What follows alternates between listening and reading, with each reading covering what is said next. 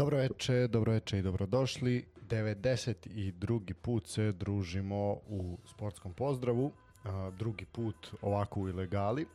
Drugi put ovaj, smo otpisani, ali vratit ćemo se jači nego ikad, što bi rekao jedan pevač novokomponovane narodne muzike. Stefan je večeras opravdano odsutan jer a, nije lako lutati stadionima a, širom Superlige i superligaških terena i sve ih posetiti u jednom vikendu i to zna da uzme danak, pogotovo na ovim vrućinama, tako da on večeras opravdano odmara da bi se vratio upravo jači nego ikad, a sa mnom večeras uh, u ilegali, u ovom ilegalnom studiju gde se krijemo kao prle i tihi ovaj, je Nikola, ovaj, naravno njega ste, njegov glas ste već upoznali nekoliko puta se družio sa nama, a evo danas je ovaj, skočio da zameni nekog iz standardne postave. Nikola, dobroveče i dobrodošao. Dobroveče Stanislave i bolje vas našao. Najbolje je da gostuješ tamo gde se i ne osjećaš kao gost.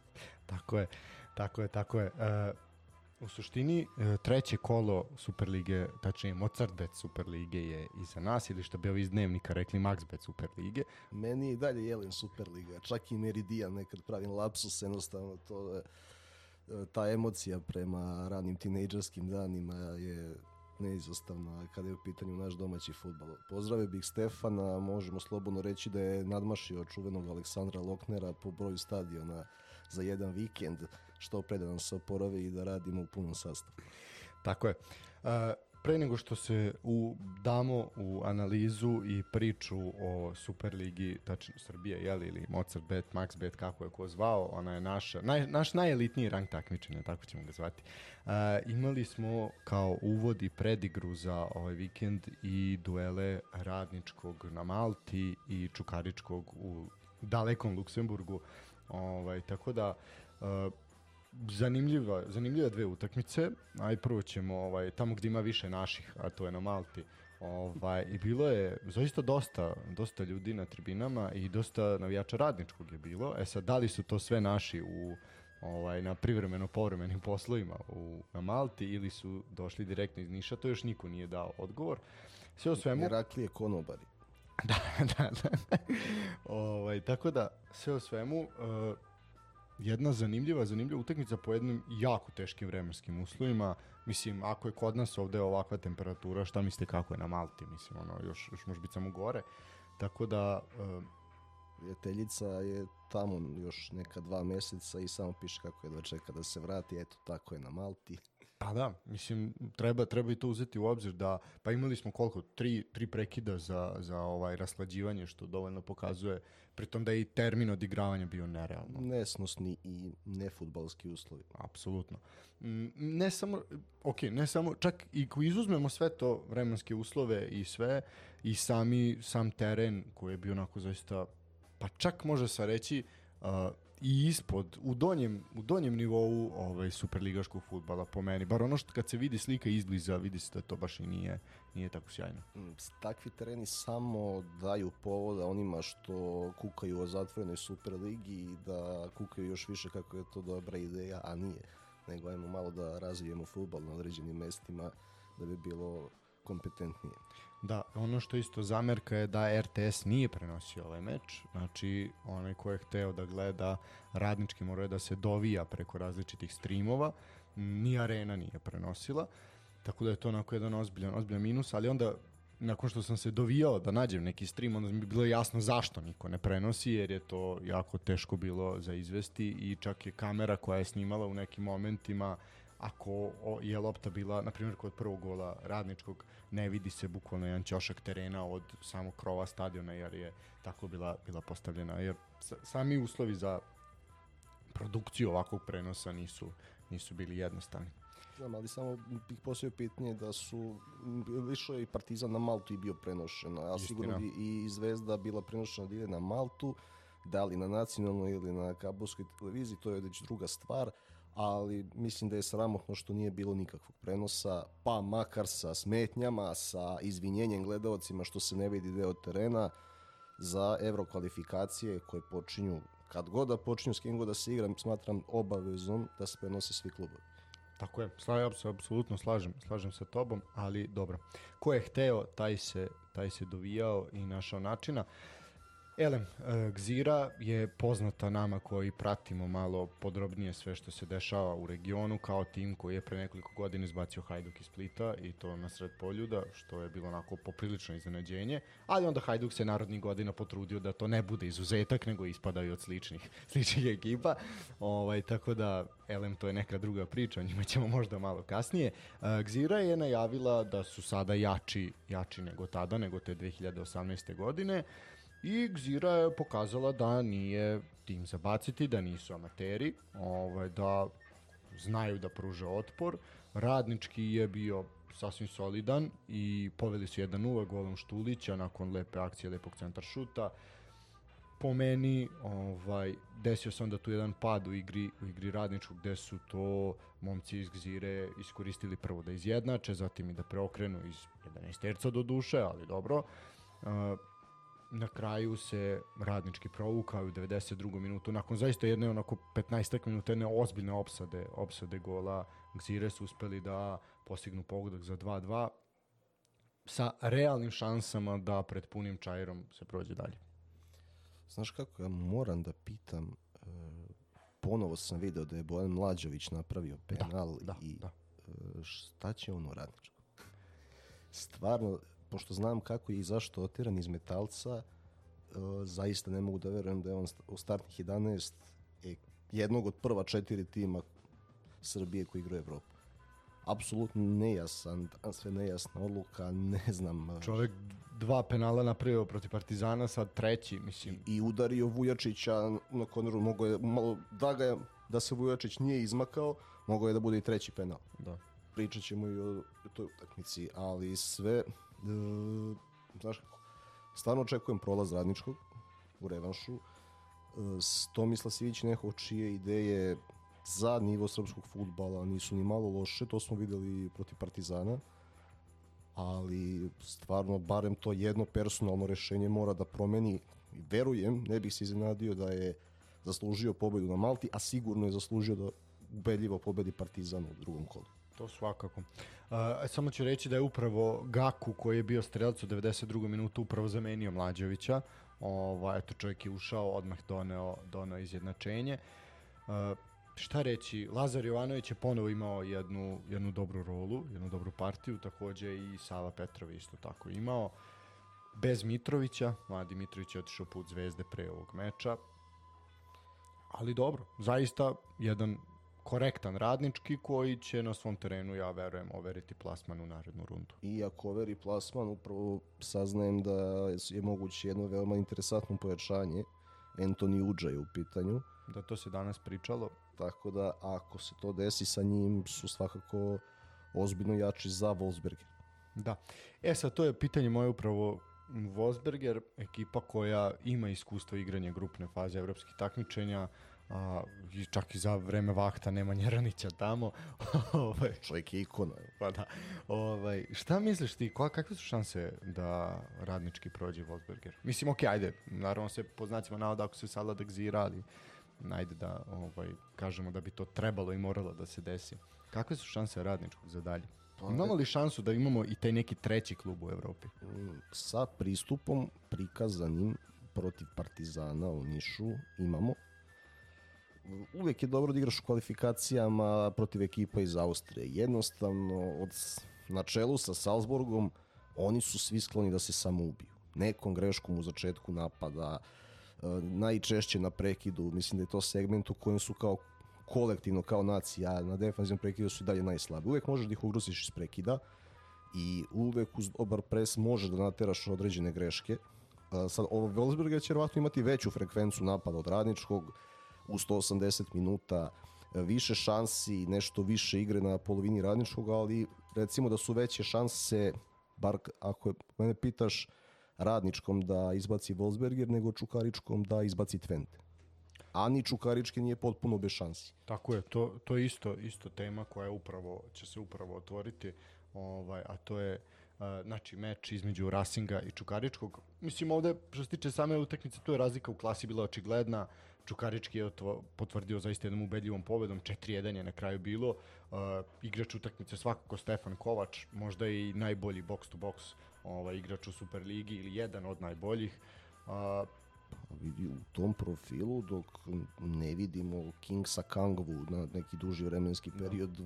slobodno mogu da kaže najbolje.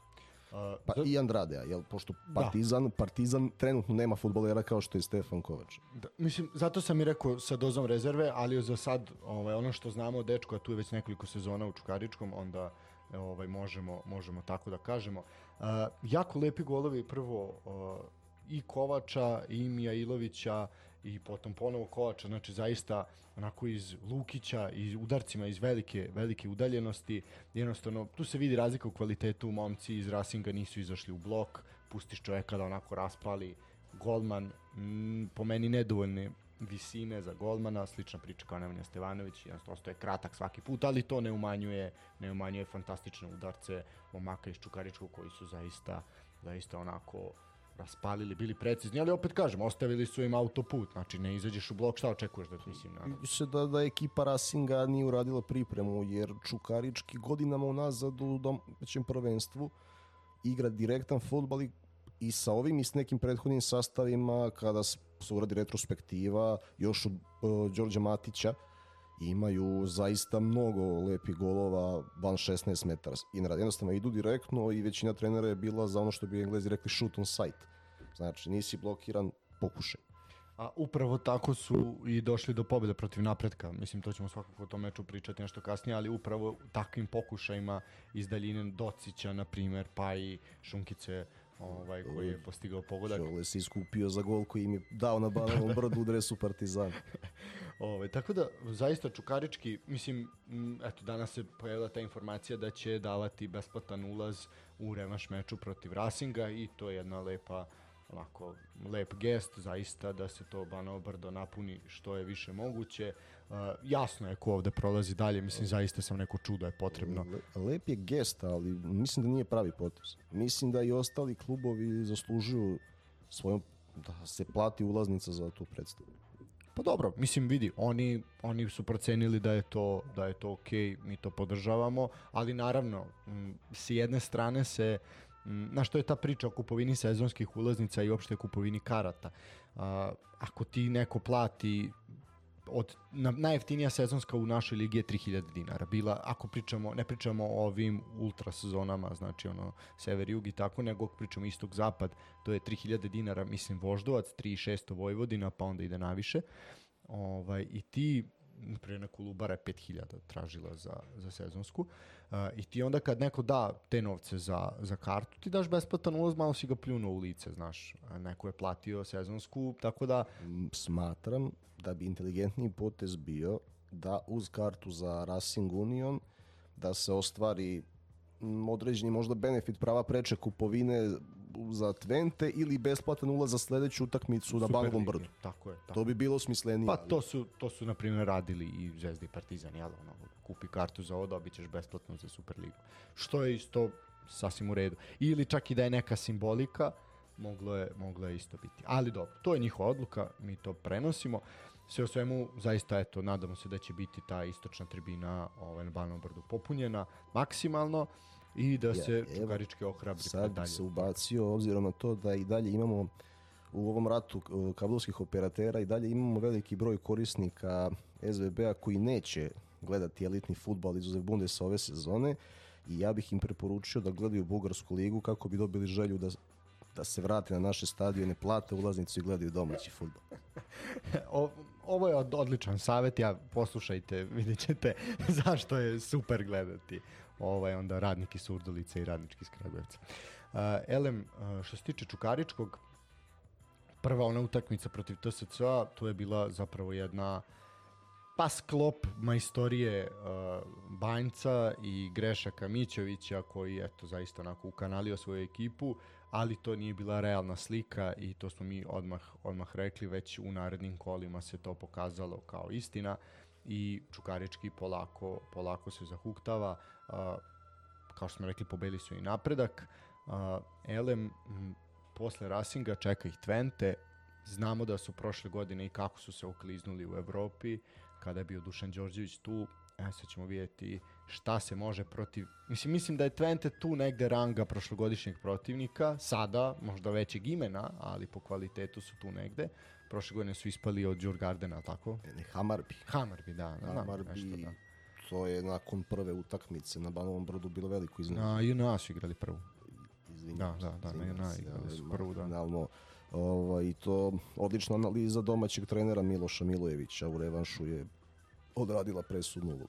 Da. E sad ćemo videti da li, da li ovaj Čukarički može da konačno preskoči tu taj stepenik i ono napreduje, znaš, iz godine u godinu su sve bolji i bolji i svaki put se makar za jedan stepenik pomere. Ovaj, nisu nazadovali do sada, sad vreme je da konačno se istupi i da se napravi nešto novo i veće.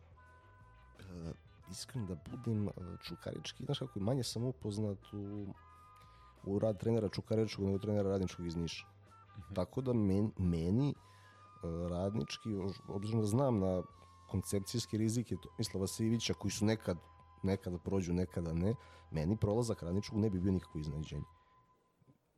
On, nije, a nije tragedija naravno da ispaneš od Wolfsbergera. Sa druge strane, ne znam šta da očekujemo od Čukaričkog. Morao bih da premotam malo sad utakmicu protiv napretka. Video sam, video sam gol Ivanovića, lep gol, uz malo sreće, ali standardni Đoletov pokušaj sa zalamanja sa roglja i kontra nogom u suprotan ugao. Uh, sad Čukarički je ove godine ušao ambiciozno. To pokazuje broj dovedenih iskusnih igrača. Ranije su imali mlađe timove. Nisam uvek pristalica toga da se odustaje od sebe. Čukarički, šta god ko misli, oni imaju identitet. Otkad je Gale Obradović to preozvao, oni imaju neki identitet. Prvo identitet redovnih plata, kolikih tolikih, E, za naš futbal, ali redovnih, što je prvi preduslov da stvari funkcionišu, a drugo što znalo se da oni da one koji ne prođu u akademiji naša da najveća rivala umeju da optimizuju, oporave, ožive i etabliraju i u evropskom futbalu na, na određenom nivou van Srbije. Tako da sada sa ovom Luk i Đorđe Ivanović vidi se da da je rezultat u prvom planu, pritisak je ogroman, kako će, zato je jako važno što su dobili prvu utakmicu, da nema straha u revanšu i da mogu polako da se pripremaju za Twente. Uh, u slučaju određenih, kad vidim sastav, određeni mehanizmi igri fale, nisu mi toliko sigurni čak ni za top 5. Ako dođe do krize, moram da vidim kako će da rade krizni menadžment kada ne budu u formi. Uh mhm. -huh. Jer o, videlo se protiv TSC-a kako e, lako padaju kad jedna stvar Da, i nastane brodolom, tako je, da. Čim ne krene kako treba. Slažem se, vidjet ćemo. Mislim, opet, uh, sezona je jako duga i jako puno utakmice će se igrati i ono, baš biće, biće jako, jako zanimljivo, pritom što i sam si rekao, pet, pet klubova ide u Evropu i biće grčevita borba. Mnogi će tu, mnogi će tu hteti, hteti da se nađe u top 5 pitanje je, treba imati kontinuitet tokom cele sezone da bi se na kraju na kraju izvuklo. Sad, dobar start u suštini ne znači ništa. Hashtag ohrabrujemo navijače Partizana. Pazi, ja obzirom na to da će igrati i na ovom samom početku jedan meč nedeljno, plus neke stvari koje vidimo u igri, e, Vojvodina i TSC su trenutno ispred Čukaričkog i Radničkog za domaće prvenstvo. Čukarički i Radnički moraju ovaj, da reše još neke stvari unutar tima, da li kadrovski, da li sistemski, jer sa ovim rasporedom Vojvodine TSC mogu da stvore određenu prednost i da kasnije u tokom sezone održavaju. Posebno Vojvodina, mislim da su ambicije zaista velike, vidim da je bilo 6000 ljudi. Tako je, tako ja sam bio ne pamtim saista. A to je već, ali to je već treća utakmica zaredom da je tako. I, I neka je tako, to je dobro. Stvarno je sramotno šta je bila Vojvodina prethodnih godina. Vojvodini je mesto svake godine u kvalifikacijama u Evropi. Svakako, o tome ćemo posebno pričati ta utakmica. E, zapravo, neverovatno, sad kad prelazimo polako na Superligu, e, u petak je igrana samo jedna utakmica, to je utakmica između Javora i Novog, e, Novog pazara. Elem, imali smo jel, dve utakmice u subotu koje su bili poprilično identične, a isto tako su utakmice u nedelju bile poprilično identične, ali su tu neke male, male nijanse ovaj, napravile, napravile razliku. Uh, tako da bih ja uplivao polako u Superligu. E sad, neke vesti koje su prethodile Superligi, odnosno ovom Superligaškom vikendu su uh, od tačnije jedna utakmica je odložena, to je utakmica između Kolubara i Radničkog iz Niša zbog obaveza Niša u Evropi i to je okej, okay, to smo Stefan i ja najavili ovaj, prošli, prošli put da će se to dešavati i klubovi imaju pravo da to iskoriste za rad dobrobiti srpskog futbala i ok, neko urade to pa ćemo vidjeti ovaj, kad će stići da nadoknade, to je veliko pitanje, a znamo da se sve mora završiti do određenog datuma. Oni će stići da nadoknade. Samo Partizan i Zvezda za koje se očekuje da igraju Evropu do decembra, u ovom ili onom takmičenju ne smeju da odlažu utakmice jer ako treba i kup da se odigra ja ne vidim termine kad sam gledao raspored možda imaju jedan termin da nešto odigraju ili da da pomeraju za proleće. Pa evo, ali danas se pojavila vest da je odložena utakmica između Vojvodine i Crvene zvezde koja treba da se igra u narednom kolu. I to je, ono, mislim... Odloženo zašto? Vojvodina ne igra Evropu, Crvena zvezda ima koliko 40 fudbalera na Evo, ovako piše prvak Srbije zbog predstojećih evropskih izazova zatražio se meč petog kola pomeri za neki drugi termin, to je znači ne, ne naredno nego ono tamo kolo, ovaj, za neki drugi termin osađeni su dali saglasnost, čelnici Superligi na čelu sa direktorom takmičenja Aleksandrom Pivićem su dali zeleno svetlo. Novi termin se zna kako se saznaje, igraće se u danu kada ostali klubovi budu na terenu u 16. finale Kupa Srbije 19. oktobra. Tako da, ali ja, ja isto ne shvatam čemu. Što kažeš imaju roster od 50 igrača. Pritom, uh, ovo je prvi put da kvalifikacije počinju od treće kola. Da, avgustu. da, nikad, nikad kasnije nisu kretali. Nikad kasnije, uvek, uvek se kretalo bar od druge polovine jula, Zvezda je znala da igra i od prvog kola, Znači, je, to se Vladan Milojević koliko puta prošao četiri runde kvalifikacije, tri puta, 12 dvomeča odigrao. Tako i tako. Znači svaki put prvo kolo, nebitno nezavisno kvaliteta rivala. Ali prvo se igralo... Kolo. Šta se odlaže zbog trećeg kola, uh, najskuplji tim koji dovodi igrače za, eto sad koliko, 2 miliona eura Bukari, 800 samo obeštećenje, 800.000 eura Kangva, tu kada bi krenuli da nabrajamo, ne bismo do 9 završili sastav, ne, pa onda te otpušteni Rišairo, Bakayoko. Te koliko je tu para potrošeno, da, to je. I nema, ja razumem donekle zašto radnički odlažu utakmice i razumeo bih, imao bih razumevanje za Čukarički, jer nemaju taj fond igrača večiti, izvolite, spremite se fizički za evropski futbol. Za dve utakmice nedeljne. Tako je, pa hoćete da igrate... Nisam, nisam pristalica ni odlaganja utakmice toliko radničkog, ali to mi je, to mi je nekako... Razumljivije nemaju taj fond igrača, otišao je i Stefan Mitrović, debitovao je golom iz lepe akcije juče, to smo videli, ali čekajte, Vojvodina zvezda da se odlaže, ljudi željni derbija, leto, uh, lepo vreme, da. lepo vreme, uveče pun stadion, odlažemo za kada? Za 19. oktobar, da, ono kišu ladno i da, da se da, da se smrzavaju Lazo Bakmaz i Saša Rakić Bajinović. A nemojte to da radite ljudima. Igrajte stari futbol. ljudi, stari ljudi, znate kad se zemlja uče u kosti, nije prijatno. Uh, ništa, ajmo redom. Ajmo, znači, petak, uh, Javor Novi Pazar. E, Javoru je bilo potrebno uh, 180 minuta da dođe do pogotka, mada su u Topoli bili jako, jako blizu. Uh, zaista odlično prvo polu vreme, uh, onako je sevalo sa svih strana, u drugom je već ono došlo do došlo do praženja i ni jedni ni drugi još uvijek nisu na nekom zadovoljavajućem a, fizičkom nivou i to se da primetiti, to se u ekipi Javora primetilo i proti Partizana, a u Novom Pazaru je bilo jasno još kad sam ih gledao ovaj, na Zlatiboru u tim nekim poslednjim pripremama. A, da već tada im je falilo im je falilo snage, što je neverovatno, ali to to sam pokazuje kako se radi. E, u suštini e, Domaćin je glavni posao završio u periodu od 4 minuta kada su Luka Gojković i Luka Luković postigli uh, golove. Uh, oba su bili vrlo, vrlo efektno, posebno se to odnosni na vodeći gol kada se Gojković onako u stilu Denisa Berkampa oslobodio svog čuvara, a potom zaista rutinski savladao Filipa Kljajića koji je to poklekao. A, Luković je malo posle toga zaista topovskim udarcem onako ubio Pauka u gornjem desnom uglu golmana Kljajića koji je opet imao loptu na ruci, ali zaista je to bio jedan topovski razoran udarac i čovjek nije mogao ništa. Uh, koliko god se koliko god se tružio, trudio. Uh, pazarci su se vratili golom Joksimovića negde sredinom uh, prvog dela, bio neki 27. 28. minut. Uh, zaista je kapitan gosti iskoristio odlično izveden korner Mića i ovaj, smanjio rezultat na 2-1, onako jednim efektnim udarcem glavom.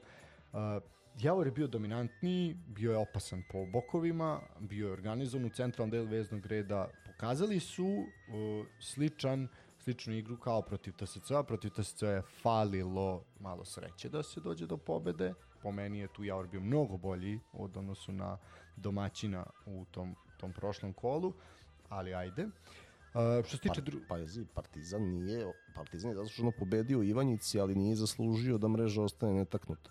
Istina. Javor istina. nije bezopasan i to nekoliko puta na 0-1. Tako je, tako, Tako je. da- Bilo je koliko, 3-4 dobre šanse iz peterca, mislim, to... Tako da to što Javor ima tri boda iz e, tri kola je Nerealno. možda je, možda je služio koji više, ali... Četiri, četiri. Tri, jednu pa, pobedu imaš. Da, četiri, da. da. Četiri. A dobro, sve u svemu trebalo je više. čak, čak, je, čak je to i moglo da bude više, ali za njih, obzirom na to da su se tek vratili u Superligu, Pa Oni su rekli cilj je opstanak, mislim, nema, nema šta, bili su jasni. sad igračkim kadrom ne može mnogo više. Stabilan play-out opstanak za njih je zadovoljavajući. Tako da do, prikazali su više od pojedinih timova iz ekipa koje, za koje očekujemo da će biti u donjem delu tabele. Trenutno deluju da, da za Javor i gospodina Bonđulića nema brige. Tako je, ovaj, kad vidiš Igora Bonđulića na klupi, samo ti još fali Milovan Milović i onda je jedna nostalgija, je to Da, tamo. kako bez Milovana. Gde je šta radi?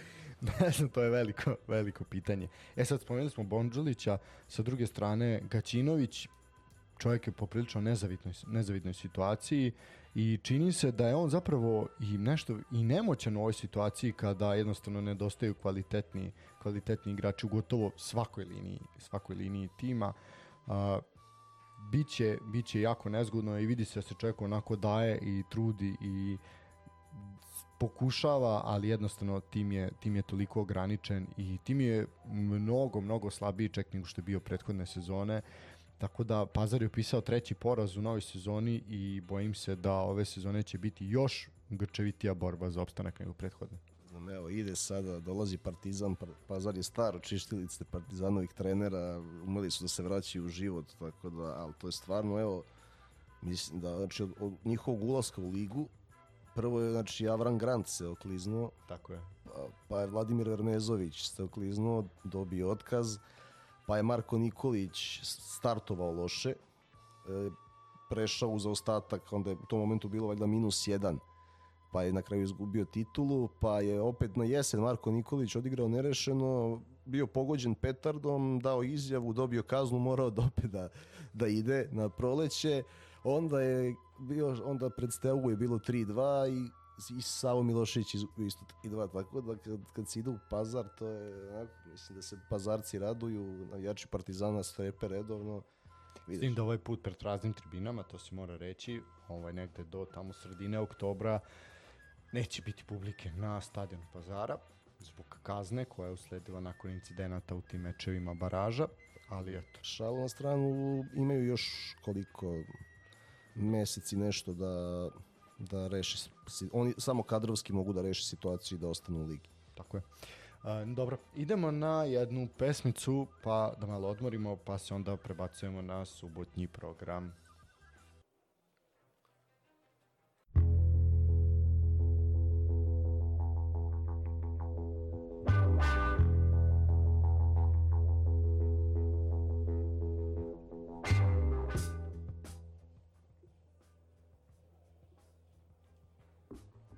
E, posle kraće pauze i dve pesme, vraćamo se nazad. Na redu je subota, a, subotni deo programa. Tu smo imali dve utakmice. A, ajde, prvo ćemo pričati o ovoj, da kažemo, onoj koja je privukla manje manje ovaj, interesovanja svakako, a to je utakmica između radnika u Surdulici i radničkog iz Kragujevca. Tu je bilo 0-0. Šta reći o utakmici Stefan Ranđelović je ponovo pokazao da je jedan od kvalitetnijih golmana u našoj ligi. Bio je zaista na visini zadatka i zahvaljujući njegovim dobrim intervencijama radnik je uspeo da sačuva mrežu i da uzme prvi bod u sezoni. Kragujevčani su bili bolji, bolji rival, imali su više šuteva, više izglednih šansi, dok su Surduličani za 90 minuta samo jednom uz, ozbiljnije ugrozili Lukića. E, eto, interesantan je podatak da je Luka Zorić, vezni igrač radničkog, pretrčao 12,5 km, ali eto i Mirić kao veteran je bio zaista fantastičan i svi ostali, mnogo, mnogo bolji i kvalitetniji rival je bio radnički i ovo je bila šansa da uzmu bodove s obzirom da se radnik nalazi u onako jednom procepu. Linta je dobio nogu ili Kinta kako ga ovde popularno zovemo. Čovjek je dobio, dobio otkaz zasluženo jer kako si došao, tako ti je i suđeno. Jednostavno, na takav način, ovaj, bez obraza, si ostavio jednu ekipu, otišao si trbuhom za kruhom i u ekipu koja, u sredinu koja nema toliko tolerancije i strpljenja i jednostavno nisi pokazao ništa, kubrilo se i na pripremama, o tome smo Stefan i ja svakako pričali, te pripreme su bile poprilično jezive i uh, gledati ih na priprema bilo poprilično mučno. Mislim, ja sam imao tu priliku da gledam i Novi Pazar, i Radnik, i Javor, i Jajdove Crnogorce, Dečić, Budućnost Utjesku. Oni su svi bili na Zlatiboru. I mogu ti reći da je tu Radnik bio ubedljivo najlošiji. Mala digresija, samo ovaj, ja sam se osjećao sad kao kad naši stariji pričaju o čuvenom sportskom popodnevu svoje vremeno, sad kad je bio multiprenos na, na Areni 2, osim Srpske lige bio je i Dečić, plus Osijek, onako šta je ovo rekao, kad smo obnovili državu pred nisam.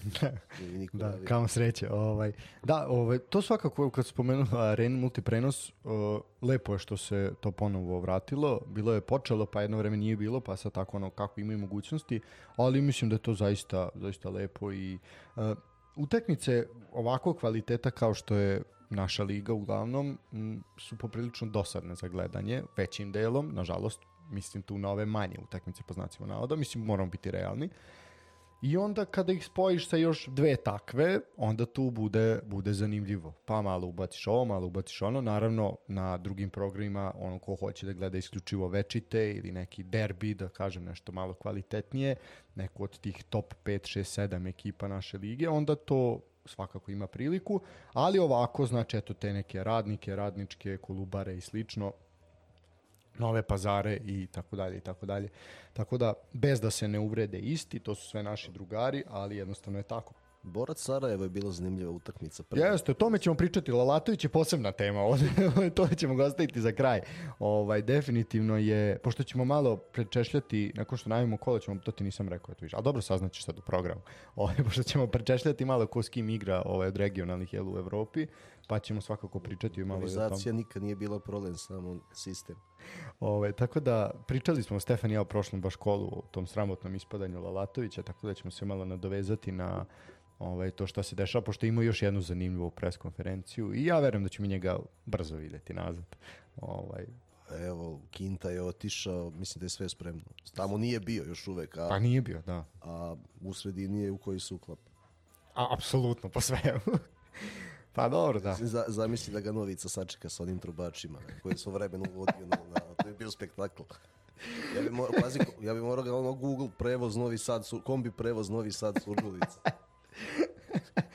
Dobro, u suštini kažem, eto, što se tiče ove utakmice, radnik je zaista u problemu, um, nije dobro, to nešto što je Kinta pokušao da uklopi tu neku igru iz Voždovca, nije imao dovoljno uh, vremena, a očigledno ni podrške, a ni razumevanja da to nešto proradi. Uh, pokušavao je, međutim zaista to nije ličilo ni na šta. Radnički može se reći da je ovde nezadovoljni ovim bodom, jer zaista su mogli doći do sva tri i trebali su.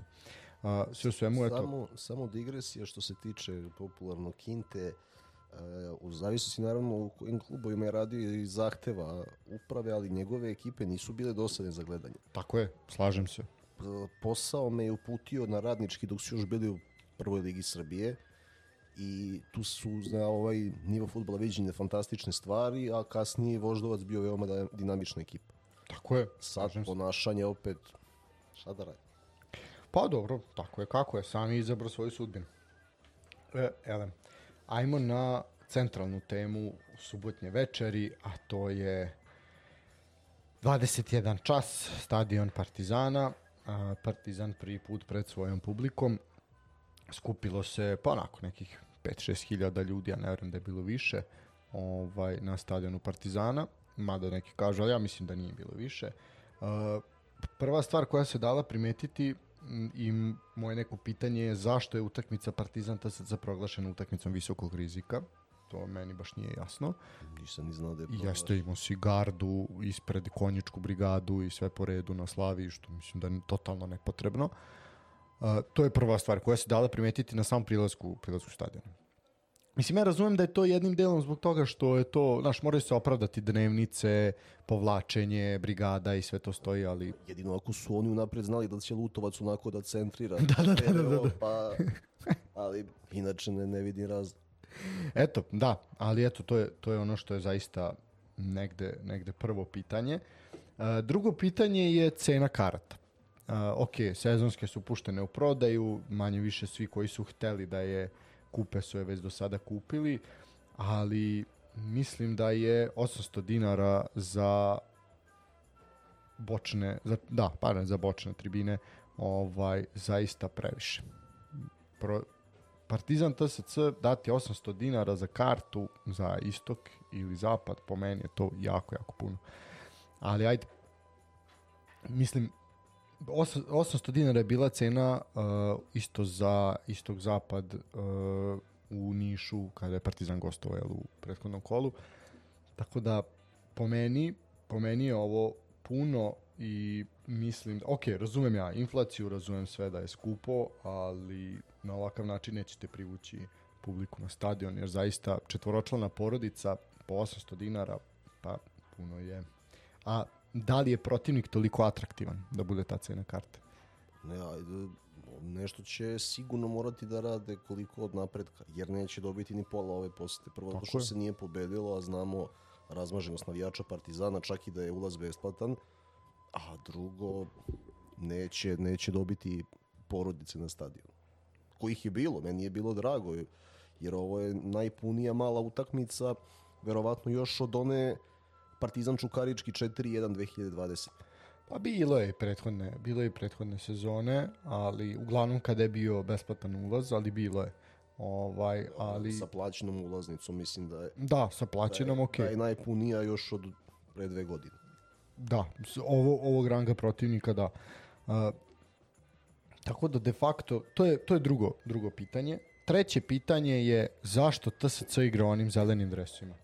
Znači, ono se ne vidi ništa. Na stadionu kad si, ok, ali u TV prenosu oni se zaista ne razlikuju od trave i pored onako lepe plave i bele garniture, ti igraš u zelenoj. Ja razumem da je to ono davanje pošte Ferencvarošu i sve, ali jako se ne vidi, ne vidi razlika na terenu i jako je teško zapratiti i gledati i to nije samo moje mišljenje, to sam čuo sa, sa više strane kogod je gledao preko TV-a da zaista se ne može razlučiti.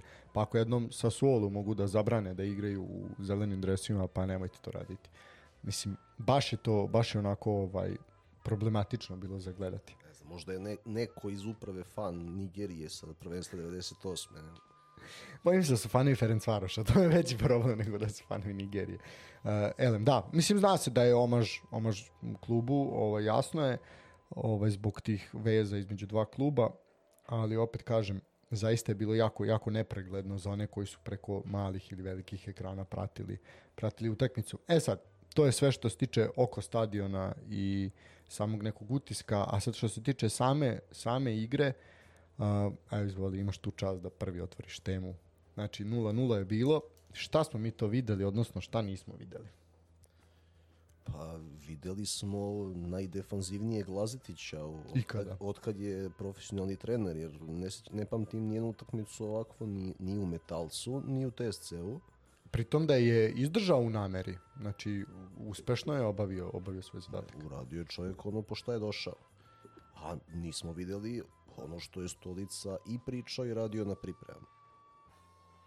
Određene stvari, evo, prošao je Javor dobro kako je prošao, izvođeno smislenih 11, povelo se smislene izmene, privedena utakmica kraju. E, Niš i TSC stvarno ne znam, oda, ne znam evo od- odakle bih krenuo. Ajde da, e, da vidimo Prvo evidentno je da je Lazetić premještanjem Aranđela Stojkovića očekivao više napada Partizana po desnoj strani i izgleda da je dobro procenio, ne da, nego jeste dobro procenio, zato što je Partizan širinu imao samo preko Lutovca na desnoj strani. Na levoj strani sam sebi je Stolica oduzeo širinu napad. Sad, uh, ja razumem, sad, da, da li je, kako, kako bi objasnio, znači na pripremama Urošević jeste bio u nekim momentima kad to u napadu bude 3-1, 3-3, bio je treći vez. Znači imamo tri Filipović kao treći štoper, pa onda Zdjela ili Fejsa, pa sa dva vezna futbalera Urošević u liniji. Ali kada ti nemaš levo krilo, kada je tu Natho igrao polu levog, špi, levog polu špica, Andrade koji se izgubio u toj asimetriji, pokušaj nekog romba u sredini, ako je već tako, onda je Urošević isto vis, i drugi bek ide visoko da bi donosio širinu. Ako oduzimaš sebi e, jednu stranu, na drugoj strani ako zaustaviš Lutovca, zaustavio si sve, ne vidim pojentu prvog poluvremena. S tim za razliku od Niša, za razliku od Niša, izmene su bile bolje, ali nisu rezultovale golom. Ali bacaš dva poluvremena protiv dve ozbiljne ekipe. Dva prva poluvremena potpuno bacaš i onda očekuješ reakciju tima. I to, i, a veoma malo je potrebno. Nekad ja razumem uh, potrebu ili stolice naglase određene stvari u domaćem futbalu, u načinu rada struke, u tome da trener mora da bude elokventan, podržavam to, podržavao sam to kod Sava Miloševića, podržavao sam to kod nekih drugih ljudi uh, u ranijem periodu, ali ne treba biti uvek i po svaku cenu preopšir. Neke stvari, neke u toku utakmice su veoma jednostavne. 36. minut, Ricardo Gomes je jednom uradio pravovremeni pressing na protivničku defanzivca, iznudio aut, podigao koliko? 6, 7, 8, možda hiljada ljudi na stadion. Veoma jednostavno. Jedna pravovremena reakcija i onda tih 10 minuta do kraja polovremena bile, bila je šansa Uroševića, e, šut desnom nogom, koji je Mlad Ilić odbranio, fantastično. I odlična, utakmica mladog golmana, bonusa, da. koji je očekivao pozajmicu niži rang. Pri, tako je, pritom čovjek koji nije odigrao ni jednu pripremnu utakmicu za TSC, nije ga bilo ono, očekivao, kaže, očekivao se transfer, ali dečko je bio fantastičan. Mislim, pravovremene reakcije, izlasci imao je, ok, nije bilo puno udaraca okvir gola, ali ovo što je bilo je majstorski odreagovao. Nema, nema šta da se kaže, svaka čast. I dešava se da tih 10 minuta ekipa igra, samo zbog jedne reakcije pravovremene, špica jednog e, presinga ekipa je igrala 10 minuta do polovremena mnogo bolje nego prvih 36. I onda opet slabiji ulaz u drugo polovreme, a e, onda se dešava ključna stvar, a to je da Bibras Nadho izlazi iz igre. Uh, Bibras Nadho je sa razlogom ljubimac publike, prvo kao stranac koji, osim što voli klub, voli i grad. Njegova žena nema nameru da se seli, on nema nameru da se seli, dete igra u crno-belim bebama, jel tako? Ali moramo jednostavno šta god on dobro radio na pripremama, takmičarske utakmice su viši intenzitet i sa više kontakta.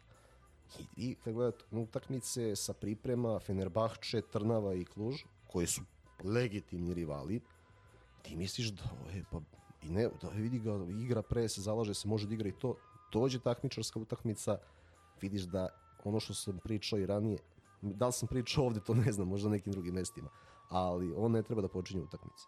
I to je potpuno jasno da si ti u Nišu, kad je on izašao i ušao Terzić, dobio duel i pres na sredini, da si se vratio u utakmicu rezultatski i da si počeo da stvara šanse kada ga nije bilo na terenu u subotu.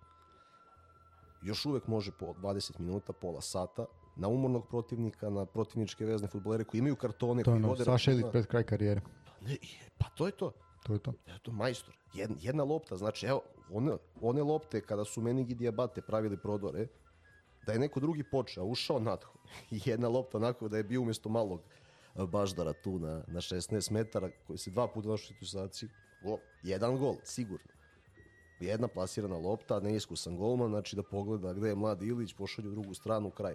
Tako da Natho, ako je već tu, on sa 34 treba bude dodatak na dobru ekipu, a ne nosilac. Tako je, to je veliki problem kada je, kada je to nosilac igre. I kad ćeš ti da se na takvog igrača oslanjaš tokom cele sezone. Znaš, to je, ali svesno je to tako napravljeno. Mislim, nije to sad ostalo na, ostao nam je on, nema nikog drugog, pa ajde, nego to je svesno tako rađeno. Partizan kao i svi ima još mesec, ima pet nedelja do kraja prelaznog roka i ako žele da igraju tu Evropu do novembra dok ne počne svetsko prvenstvo, a možda i prolaz grupe, posebno ako budu igrali ligu konferencija, potrebna je osmica, Bibras, pola sata, može da ugrozi svaku ekipu na svetu. Znači, to smo videli od prve utakmice kad je tek došao, nije prošao pripreme pa je ulazio protiv Moldea, da Molde menja potpuno način odbrane. Šta, samo, sa, ne igramo više čoveka, samo pokriva i prostor, ne prođe lopta, ušao je nadho. Strah, panik. E, tako da ta uloga nam treba, on je veliko ime u evropskom futbalu i to smo videli, onaj, mislim, onaj šut protiv Feynorda kad se povredio iz kolena.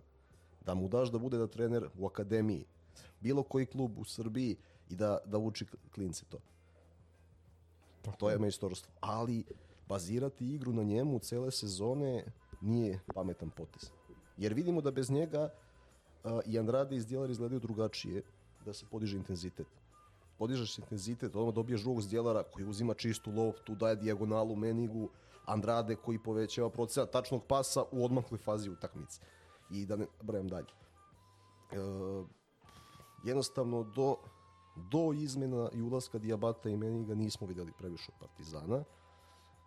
Uh, što se tiče samog Meniga, videli smo svežijeg Meniga. Tako je. Tako Videli, falio mu je cug, falio mu je sprint, delovao je teško i na pripremama. Jer je zbog povrede e, Jovića igrao više minuta, onda i sam osetio neke probleme, mali broj igrača na pripremama, Stolica je pričao o tome, Menig je delovao izuzetno izmučen, mogu da kažem slobodno. E sad smo prvi put videli onog Meniga koji ulazi i pravi haos pored out, goal out linije.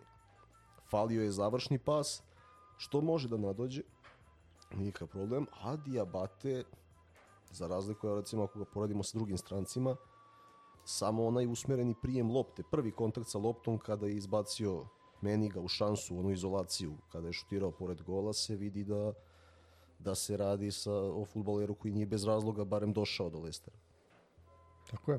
E sad, mislim što se tiče, opet uh, vrlo, vrlo bitno je napomenuti da je TSC zaista stajao odlično i način na koji su se branili i mislim zaista, zaista sve je to fenomenalno odrađeno i Lazetić je eto posle nekoliko utakmica gde se može reći da je lako gubio, gubio od Partizana ovaj, je podsjetio mene, ovaj TSC podsjetio na one prve dve utakmice protiv Partizana dok je još trener bio Zoltan Sabo, ovaj, kada je to zaista bilo čvrsto i gde se Partizan poprilično mučio.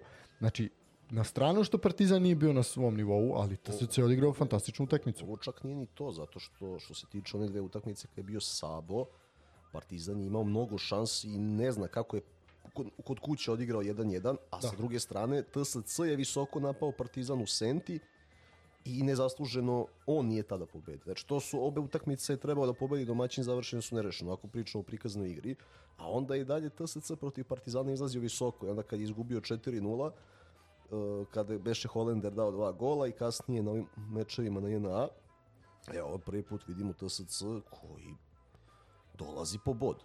Tako je, mislim oni su, oni su zaista Ali- onako Ali to se dešava kada ti ne uđeš dobru utakmicu, napumpaš samopouzdanje rivalu koji je došao po bod. Jer da je Ricardo u šestom minutu radio ono što je uradio u 36.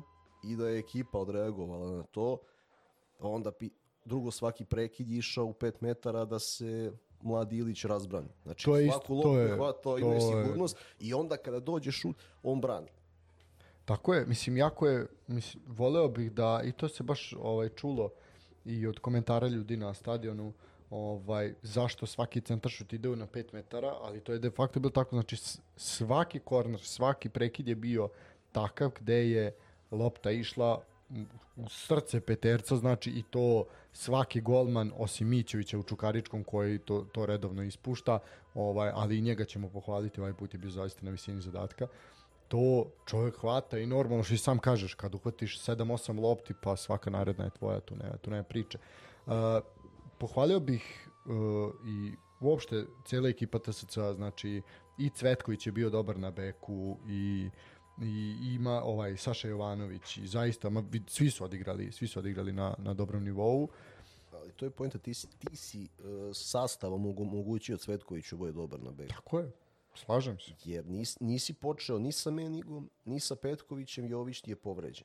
Uh, ko da ga, u- a, S- a Slobo Urošević nije išao široko u prvom polovremenu. nema ko ni da te ugrozi. Posle je sa razlogom zamenjen jer više nije mogao da izdrži Quincy Meniga. Sad pitanje od prvog minuta kreneš tako, a ovako te Lazetić pročitao, prebacio Aranđela na levi bok, čak i, Lutov, i Lutovac je pravio probleme, iznudio žuti karton, Jeste. niti si do, dovršio Aranđela. Videli smo, nije smio dira Diabate ako ga Pa ono što je Sivić uradio Filipoviću, jel, to ovaj put nisi, nisi ti uradio, jel? Znači oni su Filipovića isterali iz igre, do duše i njegovim greškama, ali, ali isto tako ranim žutim kartonom. Mogu je dečko dobiti crveni do poluvremena, mislim, lagano. Ali to je to, išlo se svesno da se izbaci iz igre. Činjenica je da se ovo na pripremama Partizana nije radilo. Tako je. Sada, da li je to do mentaliteta stručnog štaba ili igrača da se, do igrača jeste u određenoj meri, jer mm, želiš da pobediš utakmicu i kada vidiš da ne ide, olako odustaješ od nekih ideja, ne zanima te šta će biti za tri meseca, hoćeš da pobediš tada i to se dešava da, da, da izlaziš iz okvira novo uigranog sistema. Ali ne mogu da razumem neke odluke Ilije Stolica. Posebno što same odluke na terenu ne deluju u skladu sa izjavama pre ili posle utakmice. E, odlično, ovo si lepo otvorio ovu temu. Uh, izjave i nakon Niša, a i nakon sada TSC-a, onako privlače, privlače pažnju poprilično. I ja bi se više svakako sa tobom osvrnuo na ono što je rekao nakon uh, utakmice u Nišu, a to je na, mislim, prvi put posle, ja ne znam, mnogo, mnogo vremena i godina je neko ko uzima izjave dole na terenu postao zaista smisleno i onako zdravorazumsko pitanje. Nije bilo kako se osjećate, mislim, i slične gluposti, nego je bilo konkretno pitanje. Da li mislite da je uvođenje Uroševića kao taktička zamisao bila pogrešna? Ovoga, bože, ne Zlatan Šehovića, Šehović. na Šehovića, da, na desnog beka, da li mislite da je ta taktička zamisao bila pogrešna? Jer je dečko ispao iz, kao iz voza dva puta, kod oba gola. Elem, uh, i ti, znači, na jedno smisleno pitanje, vidi, to je pitanje, komentar na, na utakmicu. Pa ne bih ja sad raspravljao o taktičkim zamislima. Pa izvini, ali ja sam te pitao da raspraviš o taktičkim zamislima. Mislim, ne, može, ne možeš takav, takav pristup imati. I sad je bilo, i sad su izjave bile onako. Gospodine Stolica, vi ste šef struke i, ne znam ko će da raspravlja o taktiku. A nećemo nas dvojica dati ono, komentar. I mož, ne, pa da Možemo mi dati komentar, ako da. laički, ali evo ja ograđujemo se pred auditorijom, mi nemamo licencu Naravno. da se naše mišljenje uzima kao referent.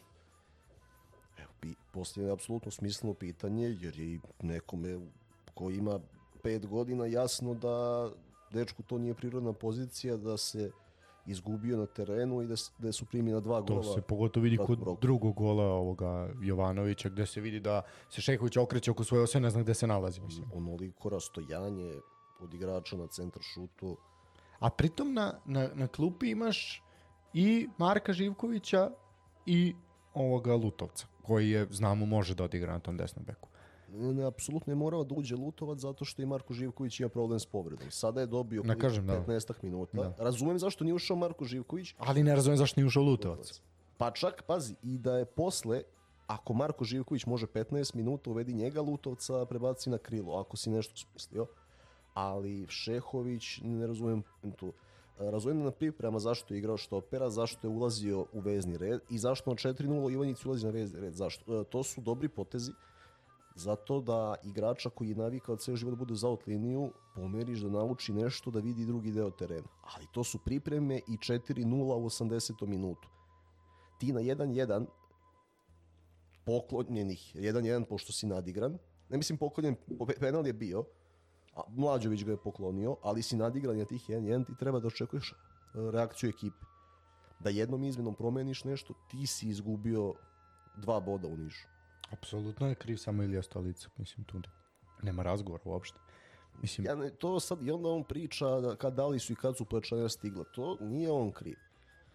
To ne možemo da zamerimo njemu, ali ovo da sad neću ja da komentarišem, bio loš teren, pa najlakše, on izgubim bodove i vadim se na loš teren. To ni- nisam nikad to razumeo. pa, mislim, Jer niko ne priča o lošem terenu. Dobro, Duše, on se bar bio je pošten u Ivanjici rekao i tada da je teren loš. To je bila priča i pre same utakmice je rečeno da je teren jako loš i, i bio je i potopljen i mislim što to sve stoji. A što se tiče Čajira, teren je još najsvetlija priča uopšte kad se gleda ceo stadion, mislim sve ostalo u Rasulu.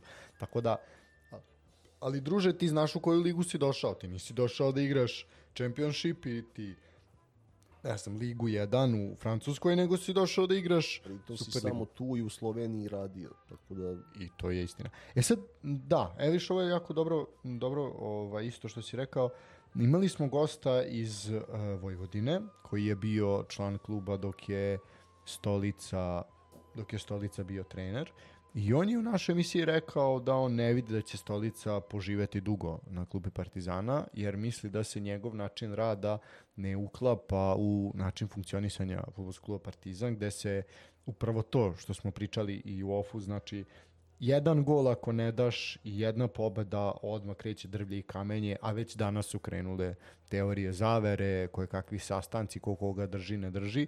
Ovaj, I odmah, odmah je već bivši. Odmah se, već danas je, tačnije juče je već bila prva vest ko bi mogao biti nastavnik stolica na klupi. A čovjek je ono imao dva remija. Mislim, sa, sa, sad ide opet ono što je bilo pre mesec i po dana gde Ivica Ilijev okreće telefone i viče, brate, dođi da grmimo. Tako da, to vam je inside informacija.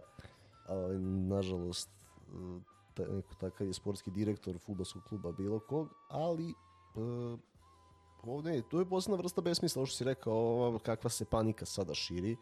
Ako je neko došao, ako radi potpuno drugačije od prethodnog trenera i promeni 10 igrača, sam rezultat nije katastrofalan, niti su radnički TSC sam sramotne ekipe. Ali evidentno ovo nije, evo, i Savo Milošević odigrao sa TSC-om 1-1, to je bilo neko, čini mi se, sedmo kolo nakon Moldea. Uh, u toj, uglavnom rana letnja faza, tako je, letnja tako je, utakmica. prve utakmice su bile. I, ali to niko, bilo je jao, ljudi nemamo sreće, nije ovo loše da popravimo ovo, ono i ono malo, samo je to taj ulaz, rani gol, biće, vidiš naznaku da će neke stvari da se reše. A ovde ne vidiš da si ti uradio sve što treba. I pritom izjave stalno neka mučenička faca, alibi, nisam to očekivao njega, nije ranije tako nastupao. Bar ne onda kada sam pratio Voždovac i Vojvodinu da li Partizan izaziva posebnu vrstu pritiska kod svakog i promeni čoveka, pa da brzo odustaneš u ideja i počneš da daješ stereotipne izjave kao prethodnici, ili je to njegov, zaista njegovo viđenje, ne znam, činjenica je da ne deluje dobro, činjenica jeste da ima problema, da određeni igrači nemaju svežine, da eto koliko ima 10 dana do, do prve evropske utakmice, to je dovoljno vremena, pre svega za Meniga, Diabatea i Andradeja. I da vidimo da li Jović ide ili ne ide, ako ne ide, kad će biti spreman barem za 20 minuta, jer zbog bonus pravila mnogo znači ekipi. Da, I dovoljno, vremena, je- I dovoljno vremena Filipoviću i Markoviću. Jer šta se dešava, recimo, sada da ne nabrajamo uh, u svim klubovima, evo, da, imate trenere koji dovedu svoje igrače, dođu po, posle nekog ko radi potpuno drugačije. Dovedu svoje igrače, pa ti igrači igraju dobro, imaju problema sa starosedeocima. Ali ovde je slučaj da je Filipović igrao loše u Nišu, da je Marković igrao loše i u Jovanjici u Nišu, da je Andrade igrao loše u Nišu i protiv TSC-a, da je, da je Diabate došao ajde kasno, znači ono što si ti, sad imamo evo, ko- da je Šehović kriv u Nišu i eto, Kristijanu Beliću nemam šta da, da zamerim. Pa dobro, u Kristijan Belić je igrao zato što je bilo pot, bio potreban bonus. Mislim, on je, imao, on je bio taj bonus u. Dok, dok se oni koji imaju velike plate i koji su nosioci igre ne sede, tog dečka zaista ne treba komentarisati, Naravno. treba ga ostaviti na miru. Ma, on je bio sasvim pristojan, mislim, Pa tu nemam šta. u ovakvom Apsolutno je bio pristojan. Krkljušu je više nego pristojan zato što dečko je veoma spreman fizički i ima dobar instinkt po izgubljenoj lopti. Znači ima pravovremene reakcije, zato, zato je mnogo manje defanzivnih problema bilo protiv TSC-a nego u Nišu, jer je on počeo. I sad pitanje je samo da si um Andrade stavio njegovu poziciju, da nije počeo nadho, da si počeo s nekim na krilu, pa uveo Natha, verovatno bi imao tri boda i onda se ne bi pričalo da li te je doveo Vučelić, da li te je hteo Ilijev, nije te hteo Ilijev. Evo vidimo i članci, mislim da je to besmisla. Slažem se. Uh, Elem, kao što si rekao, Evropa, uh, čekamo poraženog iz duela uh, Mitelanda i ovih, ove La- Larnake. Ove, u svakom slučaju mnogo bolje nego da smo čekali poraženog iz duela Fenerbahče Dinamo Kijev, što zbog navijača, što zbog ovaj, te neke atmosfere koja bi se, linča koja bi se svakako stvorila. Pogotovo Dinamo Kijev u ovoj situaciji nam nije trebao, jer bi se tu haos napravio. Iz, bar jedan bi se pojavio uz Naravno. majici. I, i, E, ti, tipujem na jednog momka iz Futoga čak, ali pa ne, jedan, mislim, vidi, izbacili bi nas doživotno. Ovaj, tako da, bolje je ovako. E sad, taj Mitilan smo imali prilike da upoznamo. Larnaka, svoje opet Kiprani i onako, ne, to, to je jako velik problem, može biti, a ajde vidjet ćemo naravno šta tu. Mislim da zapravo bolji iz tog duela, znači poraženi ide nama, a bolji iz tog duela ide u slučaju... valjda Rangersu. Ne, ne, ne, ne, u slučaju da Dinamo čučne protiv ovih, mislim da će Dinamo igrati sa jednim jed, sa pobednikom te dve ekipe. A mi igramo s poraženim. Tako nešto. Nešto. Znam da Dinamo ide jedan protivnik, nama ide poražen istog da. Ovima ide pobednik, nama ide poražen. I kojem Dinamu? U Zagrebu. Ne, ne, ne, ne mogu oni da igraju zato što idemo u stazi šampiona. Da, ali u slučaju da, da ovi ispadnu iz kvalifikacije za Ligu šampiona. Tako nešto. Nešto sam, ovaj, onda bi u narednom kolu igrali s pobednikom iz ovog duela. Nešto tu, nešto mi tu nije, nešto sam danas to slušao, pa nisam baš ukopčao, shvatio sam da se ovima, ovima ide jedan, nama, nama ide ovaj, kako god. Sam ja, kao da sam vidio da pobe- pobednik ide Rangersu u onom, što bi rekli, League 5, sta, ne šampionskom delu za ali nisam, nisam zapamtio ceo žreb. Da. Pr prvo čak i da, da zaobiđemo nef, nefutbalske razloge, uh, Fenerbahče trenira George Jesus, uh, Dinamo Kijev trenira Mirča Lučesku, svakome ko gleda futbol, Jasno je da to- jasno je kako taj, nikada te ekipe, i pazi, ja se ne bojim inače turskih ekipa jer su neretko uh, taktički neobučene, nespremne i onda da li je moguće da izlačimo Fenerbahče kad dođe George Jesus, da je moguće u žreb. Pa dobro, izvučen je bio, izvučen je bio i Bešiktaš do duše u grupnoj fazi sa Slavinom Bilićem. I znamo kako smo prošli. Nalupani samo tako. Ovaj u suštini u suštini ovaj mnogo bolje, naravno, sam se ako izuzmemo to što se dešava van, uh, van terena i ovo što se dešava na terenu bilo bi videli smo mislim u suštini tu pripremu utakmicu protiv Fenerbahčeja pa ono koliko je to bilo strašno sve u svemu. Pa nije bilo strašno.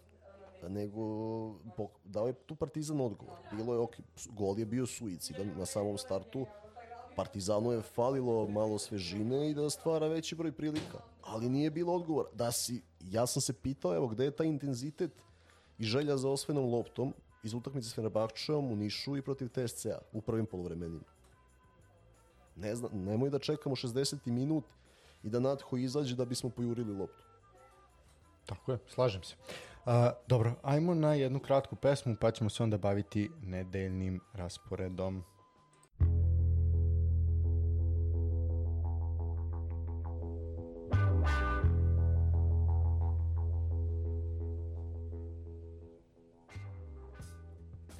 Vraćamo se u program. Dakle, završili smo sa subotom i teškom temom koja se zove Futbolski klub Partizan, a sada ćemo na, na ostatak prvenstva i naravno najaviti naredno kolo, kratko pogledati i bilans bodova koje je koliko skupio u prva tri kola. E, ovako, prva utakmica koju bih ja pričao uh, u nedeljnom programu su zapravo, imali smo nekoliko sličnih utakmica, uh, ajde šampiona ćemo ostaviti za kraj, a onda ćemo pričati o ovim utakmicama između Čukaričkog i napretka, Voždovca i Gata i Vojvodine i Spartaka. Možemo prvo ajde na krov. Uh, Stefan je bio, bio na krovu. Tako smo se raspodelili da on ode na krov, a ja sam otišao na Karadžorđe. Uh, ovako, što se tiče Voždovca, Voždovac je najmlađa ekipa u ligi po proseku godina i moram priznati da sa jednim izuzetno mladim trenerom, čovjek koji prvi put osjeti superligaški futbal, a, Nebojša Jandrić i a, Voždovac je u prvom kolu savladao Novi Pazar, bilo je tu i sreća, ali bili su kvalitetniji za taj jedan gol. Moglo je tu biti još, ali je Kljajić ovaj, odbranio nešto što nije odbranio u svojoj karijeri. A, onda protiv napretka zadovoljni su bili bodom, mada i tu moglo mnogo, mnogo više, moglo je do sva tri. E sad, uh, Voždovac i Mladost Gat 0-0. Voždovac je svakako bio bolji, imao je veći posjed inicijativu i jedno 4-5 zaista povoljnih, povoljnih prilika i ono što mene raduje je što su sve, sve prilike bile iz različitih situacija, neke su bile iz brze tranzicije, neke su bili nakon prekida, nakon kornera, nakon centra šuta, znači zaista je bilo različitih, različitih momenata i to jako raduje. E, ono što je problem po meni, a to je Burmaz kao pojačanje u napadu gde se vidi zaista da momku fali iskustvo igranja na ovakvom rangu takmičenja. Možemo mi svaka čast prvoj ligi i sve, ali ovo je ipak iznad onako i vidi se da je razlika, jer opšte rezonovanje kod nekih udaraca je poprilično čudno bilo. A drugo stvar koja se da primetiti je Trifunović, koji kada je ušao je napravio zaista onako ozbiljnu razliku i pokazuje da je, ima, ima klasu i može tu da bude jedan od nosilaca igre. Krunić je bio dobar, uh, ali Krunić nije imao nekih velikih problema i posla, kao što je to bilo u prethodnim. Krunić je najbolje, po instatu, najbolje ovaj, ocenjeni golman naše lige. Uh, za sad su uz Vojvodinu, Voždovac je jedin, jedina dva kluba jel, bez primljenog gola, znači Carević i, i Krunić, nisu, nisu vadili loptu iz mreže. Što se tiče Voždovca, uh, zadnja linija je bila top utegnuta, zaista onako bili su posebno dobri, mada moram priznati da mladost nije tu nešto posebno došla ovaj da napada, više su došli da se biju i da ne daju da ne, ne dozvole da prime gol, ovaj što su donekle donekle i uradili. Mm, nekako se meni čini da je vezna, vezni red voždovca prepustio malo igru i da su nekako išli na neko čekanje, bili su previše, možda ne na čekanje, ali bili su previše povučeni, a morali su napasti više. Ali opet kažem, i takvi su oni izgradili 4-5 ozbiljnih, ozbiljnih prilika gde je zaista moglo biti moglo biti golova. E sad, ovo su one utakmice koje su možda od prošle sezone koštale Evrope gde ti umesto da pobediš 2-0 ili 1-0, ti odigraš 0-0 ili onda još primiš neku glupost pa izgubiš. Ovaj, tako da, ovo je ono što svakako ovako jedna mlada ekipa, opet kažem, bolji nego u prošlom kolu, bolji nego i u prvom kolu kad su pobedili protiv Pazara, znači smisleniji, organizovaniji, manje tog nekog straha, manje te neke treme ali za najmlađu ekipu u ligi svaka čast i mislim da ako nastave ovako da se razvijaju, a znam da je atmosfera vrlo prijatna u klubu, da nema pritiska, da je play-off, uh, da kažem, moranje i to je svakako tu ime i mesto, a Evropa je, Evropa je neki cilj i ja vidim njih kao jednu od top 5 ekipa koje mogu da izađu u Evropu. Što se tiče Gata, to je grčajta borba za opstanak u kojoj sumnjam da će uspeti da ovaj, se ostvare, ali ajde, to ćemo videti. Pa, znaš kako, moje, moje simpatije ka Voždovcu već nekoliko godina nazad nisu tajna. Uh, pričali smo o stolici. Pravo što što Voždovac radi, on je na neki način tamo i postavio neka drug, malo drugačija futbalska razmišljenja, koja sada ne sprovodi na višem nivou ali je činjenica bio tu Stolica, Linta, Jovan Damjanović, njima ideje ne fali. Ni sada sa Jandrićem ideje ne fali, a oni ne samo da su mlada ekipa, nego im je stručni štab mlad, pošto je njihov trener analitičar šest godina mlađi od nas dvojica. Da. I, to je izuzetno mlad. Da, i ovo, da, nije baš je baš je razočaran što nisu uzeta tri boda, da kačio je statistiku na mrežama i sada da, da ga ovaj, ne imenujem, pozdravljam ga ovom prilikom. E, čestitam na još jednom angažmanu koji će raditi paralelno zaista i to je ovaj primjer kada mlad čovek koji pasionirano prati futbal krenuo je od analiza na mrežama uzeo licence na kraju i završio u, u poslu na, sa te godine zaista visokom nivou. A, Voždovcu ideje ne fali i neće faliti. Fali im malo iskustva. Recimo, napadač profila Nemanje Nikolića, neko slično iskusnih napadačnje fali u napadu, kao mentor Burmazu, pola sat, znači kao mentor Burmazu i makar pola sat uđe da nešto promeni. Pa Taki Nikolić bi bio idealan, na primjer. U da, pošto što oni žele da igraju futbol, njemu bi se to dopalo. Mm. Ali e, drugo, sada Miloš Pantović treba da dođe sebi, mislim da nije korektan način prvo iz, pošto imam informacije iz Voždovca, neke informacije plasirane od strane futbolskog kluba Pariza nisu tačne. Tako Prvo, ovi Pričali smo, pričali obešt... o tome, da. Nije, nije tačno, znači visina obeštećenja koje je Voždovac tražio je viša i rečeno im je snevio telefon, drugo kontakt igraču kontinuiran i od strane nekoliko osoba bez kontakta klubu gde fizioterapeut njemu mora da kaže na pripremama na Zlatiboru daj mi taj telefon i ja ću da se javljam. Znači, remetiti mladog čoveka u trenažnom procesu nije korektno. On tek dolazi sebi i u slučaju da ne ode u inostranstvo, njega očekujemo mnogo. E, drugi kod kojeg se mnogo očekuje jeste Aleksandar Ćirković koji ima problem, dečko ne vidi na jedno oko igra kako igra.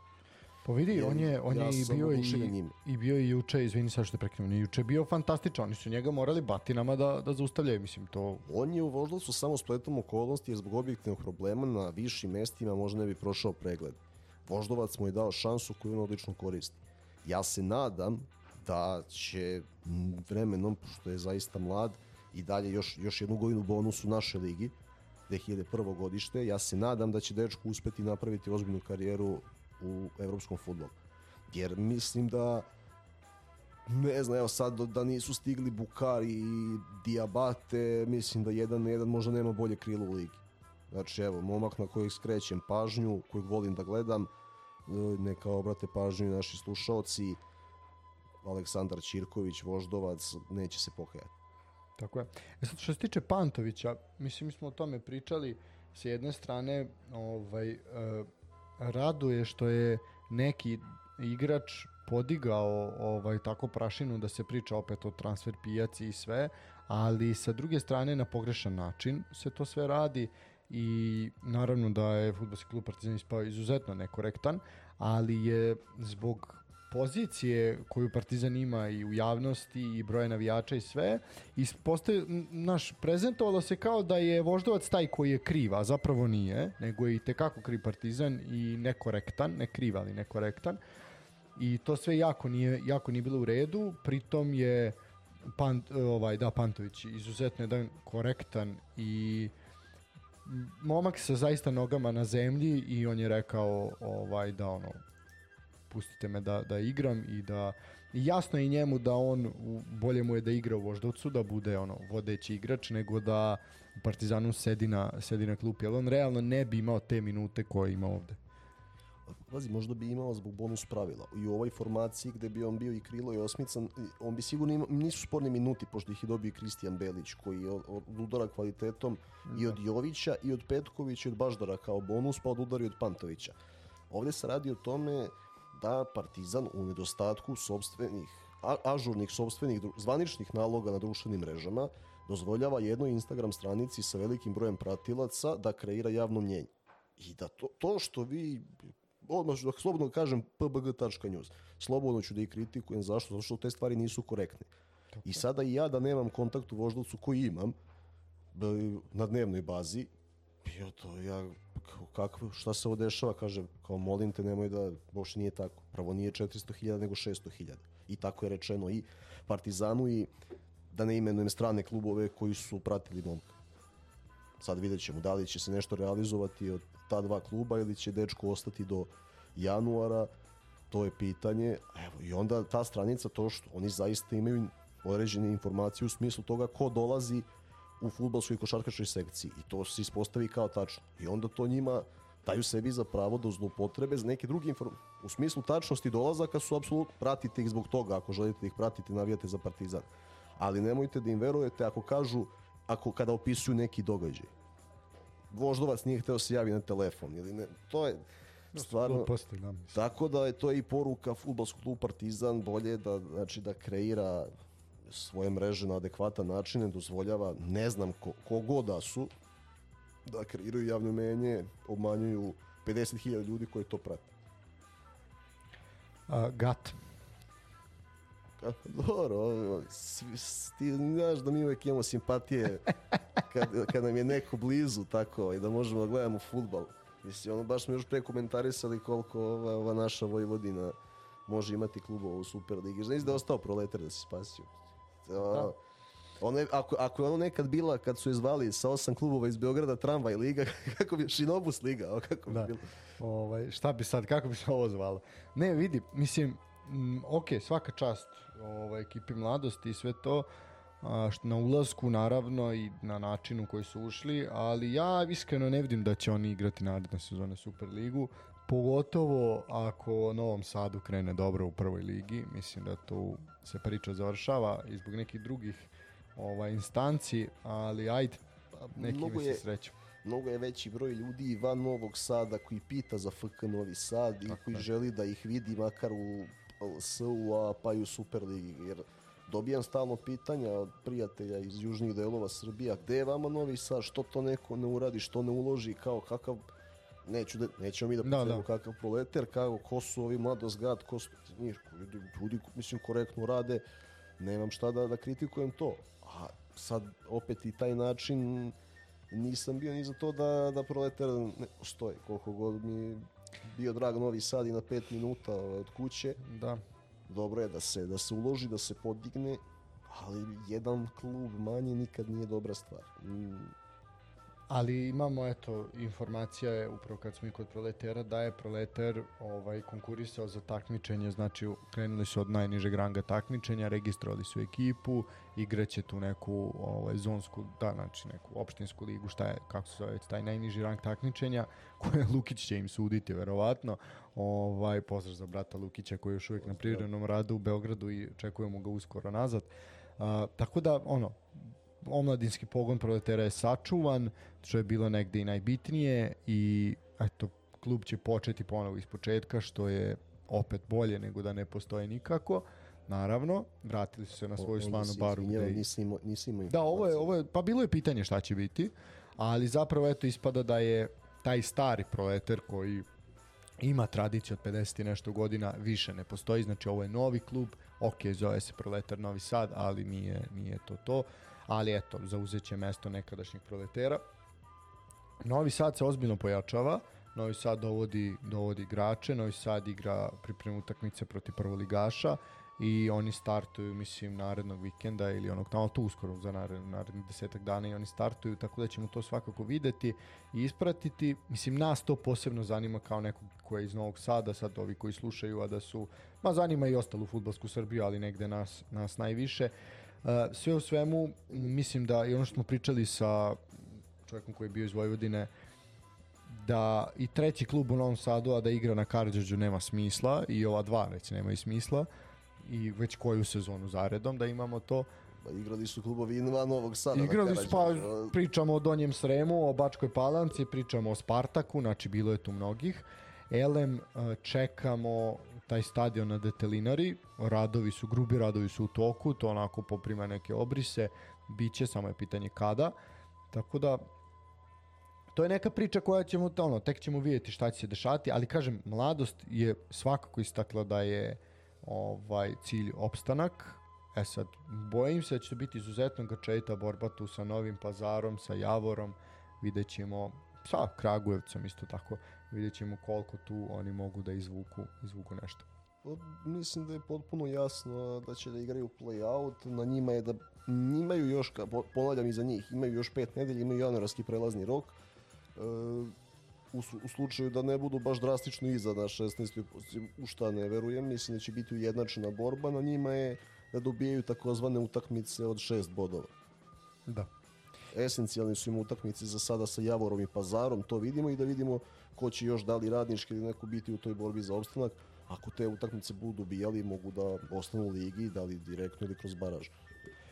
Slažem se sve sa tobom i možemo ići dalje. E, idemo sad na Čukarički i zapravo, da, ajmo na Čukarički i na napredak. Uh, šta da kažemo, 1-0, mada vrlo slična utakmica ovom na krovu tržnog centra, gde je Čukarički zaista imao nekoliko, nekoliko prilika.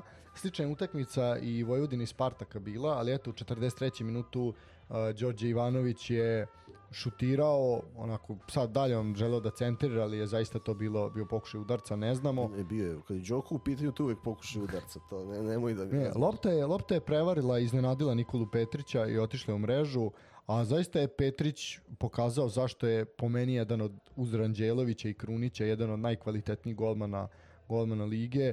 Čovjek je spasao ja znam, 5-6 čistih čistih ovaj golova i čistih šansi zaista je moglo biti i ubedljivije. Uh, šta da kažem, sa druge strane Mićević je bio na visini zadatka, imao je napredak dve šanse onako ozbiljne za postizanje pogotka i za razliku od prethodnih utakmica zaista je čovek bio bez greške. Uh, napredak je upisao i deseti uzastopni meč bez datog gola, uh, računajući naravno i prethodno prvenstvo, moramo se pristiti ceo playoff bili bez datog gola. Tako da eto, mi smo se negde šalili o prethodnoj utakmici, mi smo najavljivali ono kao i slali ovde vibricu, što bi se reklo da oni konačno skinu mrak i da postignu pogodak, ali eto, ovaj put se Mićević isprečio, ali bilo je šansi. Tako da, eto, napredak ostaje, ostaje da u narednom kolu pokuša da eto ne uđe u 11. utakmicu bez datog gola. Što se tiče Čukaričkog, ista priča kao protiv Rasinga, uh, šutiranje iz daljine, Docić je imao nekoliko prilika, uh, isto Kovač, uh, ovaj kako se zove Ivanović, jel? Znači sve to sve to negde negde preslikano, ali eto jedna lopta je jedna lopta je ušla.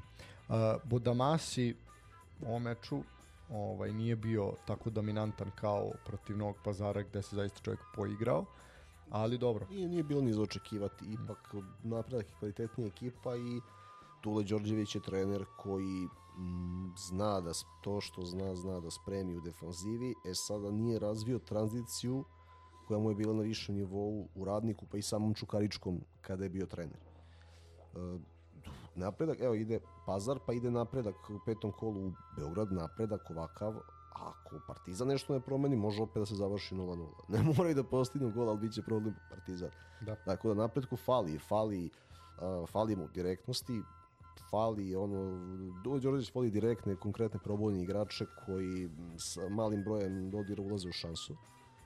I m, ako možda još se pojača na, krilima, vidjet ćemo šta je plan, onda će doći i golovi. Za sada to ne funkcioniše dobro u napadu, ali napredak ne menja trenere tako brzo, baš kao neki drugi superligaški klubovi, tako da ipak malo više očekujem u narednom periodu kako sezona bude odmica. Dobro. E, ajmo na 67. vojvođanski derbi. E, potpuno identična utakmica kao ova odigrana na krovu, a i e, na Banovom brdu, s tim da su ovde mreže mirovale. I ako za neku utakmicu možemo da kažemo da je bila dobra i zanimljiva, a da je završena bez golova, to su onda svakako ovaj Vojvodina Spartak i Voždovac i Mladost. 67. put su se Vojvodina i Spartak susreli, uh, ovoga puta zaista u jednom lepom ambijentu, je već treća utakmica tre, jel, u trećem kolu zaredom da Vojvodina igra u Novom Sadu, jedan put su bili gosti jel, u ovom gatu, uh, i zaista lepo popunjene tribine Karadžorđa, uh, ovaj put nije bio besplatan ulaz, ovaj put je karta morala da se kupi i raduje što je jako puno ljudi kupilo i sezonsku ulaznicu, a i, i sama prodaja karata je lepo funkcionisala što ja svakako pozdravljam i Stefan i ja smo u prošloj emisiji pričali o tome da se a, Novi Sad onako futbalski budi i da eto posle dugo vremena imamo zaista solidno popunjen Karadžođe iz utakmice u utakmicu. Meni je drago zbog toga, pritom simpatije mi nikad nisu išle ka Vojvodini, ni što se tiče lokalnog sporta, uvek su išle Novom Sadu i metal su ispod toga zbog određenih poznanstava. ali, ali mi je zaista drago da vidim posjećenost na našim stadionima. Mislim da je odrađen dobar marketing. Mislim da ovo što Drago. Duspić uradio jednostavno Uh, znaš kako ljudi mnogo toga površno prate a i vole dobar je bačen vam pitaju šta kao menja se uprava kojima to je ovaj iz odbojke znaš i ima neki ugl- do, iz odbojke ovaj dobar čovjek bit će to dobro i onda rekao, da i sad nisam sam baš očekivao ovoliko ljudi očekivao sam veću posetu nego ranije ali rezultat ovo je zaista odlično E, pojačanja su medijski adekvatno naglašena dva stranca, poznata domaća imena, produžen ugovor sa Urošom Kabićem, znači obećano i ispunjeno. I još, još jedan plus upravi Vojvodine. Pa će, ovaj, šteta je, možda je šteta što sada ne igraju kvalifikacije, čekamo ih naredno leto, ja ih stvarno vidim, ja njih ne vidim ispod trećeg mesta na kraju. Čak možda i na drugom ako Partizan bude u nešto većim da. problemima, ali realno je da, da budu ipak treći. To je moja prognoza. E, Na, mreže nisu mirovale, Veljko Simić je dao gol. Tako je, ja sam upravo to se- htio reći. Da, Ali se ponovo je dao gol i u odličnoj formi i sprečio se najveći neprijatelj Srba uz promaju, a to je VAR. E, Sprečio se Novak Simović. Ovaj. Novak Simović je jako pogubio konce u jednom momentu utakmice i Onako, naj, najcrnije za sudiju. Da li je dostojan da ga komentariš? Ne, ja hoću ga prokomentarišati zašto je ubio, ubio predstavu. Simić je da, postigao pogodak u 43. minutu, e, kao što rekli, mreže nisu mirovale, jel? ali je poništen nakon provere VARA zbog prethodno napravljenog faula negde na sredini terena. Uh, odličan na golu Spartaka bio je zaista Manojlović. Ja sam negde očekivao Mišu Dubljanića na golu, ali je Manojlović bio fantastičan i čovjek je skinuo isto jedno četiri fantastične, fantastične ovaj lopte. Jednostavno, mislim, na, kad se pogleda s jednog ugla, mislim, ja sam sedeo na zapadnoj tribini i slušao sam komentare uh, publike i to samo pokazuje da opet, i to je negde donekli cilj ove emisije, Znači, ok, jeste su utakmice zašla 0-0, ali Vojvodina je stvorila četiri ozbiljne prilike. Četiri ozbiljne prilike i nekoliko polu prilika. Znači, stan, mi pričamo o Vojvodini koja prošle godine nije imala, dešava se utakmice kad nije imala šut u okvir gola. Znači, četiri ozbiljne prilike gde je čovjek bio, što bi Kovinjalo rekao, mačka, afrička pantera, čovjek se izvio, skinuo, nema šta, svaka čast. Jel ti nedostaje Kovinjalo? Naravno uvek. ovaj, tako da, zaista sa te strane svaka čast o, Vojvodini. Bio je onaj jedan prodor po boku kada je, mislim, Baraj onako malo hteo iz forice da šutne nekom petom. Možda je tu treba, da li je mogao ozbiljnije ili nije mogao u tom momentu je tako je zahvatio loptu, kako je da je tu postigao pogodak sad bi svakako eksplodirao. E sad je, uh, znači imali smo prošli put da kažem, postavili smo test i zadatak na osadskoj publici, a to je bilo dođite ranije na stadion. Nemojte da se čeka na ulazak da ulazite u 15. 20. minutu, obezbedite kartu na vreme protiv mladosti se čekalo na kupovinu karata, onako poprilično prošlo 20 minuta od početka utakmice, ljudi su još kupali karte, znači nije, negde ni oni nisu očekivali da će biti takva pomama na tribinama za, za kartu. Ne, ne, mora da se, da se uspostavi ta kultura, da se dođe ranije na utakmicu Tako i kad Partizan i Zvezda ne gostuju. Tako je, slažem A se. ovo sa druge strane što si rekao, pa moja životna misija je da, da jednog dana ubedim ljude da 0-0 nije loša utakmica i da 4-3 nije nužno dobra utakmica. Tako je, tako je. Zato što mora se gleda 90 minuta, se posmatra i zapaža. Tako je. Što se tiče Spartaka, Spartak je zaista pretio iz kontranapada i imao je nekoliko popriličnih ovaj izleta pred gol domaćina, ali je u suštini nedostajala jedna konkretnija završnica, ali i Traore je bio, bio na visini na visini zadatka. Uh, Simović je, kao što sam rekao, pogubio konce i naravno najgore za sudiju kad krene to kompenzovanje ovaj, malo ću sad ovima da vratim, pa sam ovde pogrešio, bila je pogrešna procena, pa ću ja sad njima ovde vratiti nekim sitnim faulom i tako dalje i tako dalje i onda je tu ode, ode ovaj, u đavola, kao što je i otišlo. E sad, uh, bitno za ekipu Spartaka, pored toga što Slavko Petrović je ponovo bio u fantastičnom izdanju sportskog radnika sa štopericom oko vrata, ovaj, znači vidi, ono je to je to. to je ono što... Adekvatan gost pravog futbala. Tako je.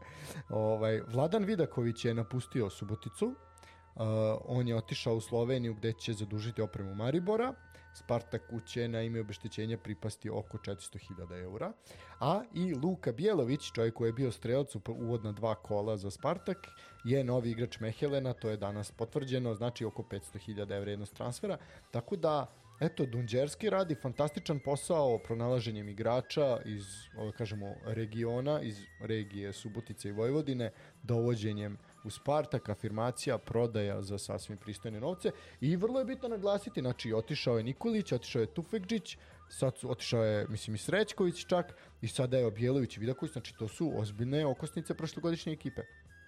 Ne, pazi, Spartak već nekoliko godina da li unutar lige ili u inostranstvu pravi odlične transfere za ne bi smeli da budu odlični, ja težim višem nivou, ali za uslove aktualnog srpskog futbala odlično. Ta Spartak nije, Spartak je klub u kojem se nešto radi i ti transferi to pokazuju. Neko u inostranstvu primeti te momke i zasluženo želimo sreću i jednom i drugom da se da se etabliraju i adekvatno reprezentuju svoj Spartak.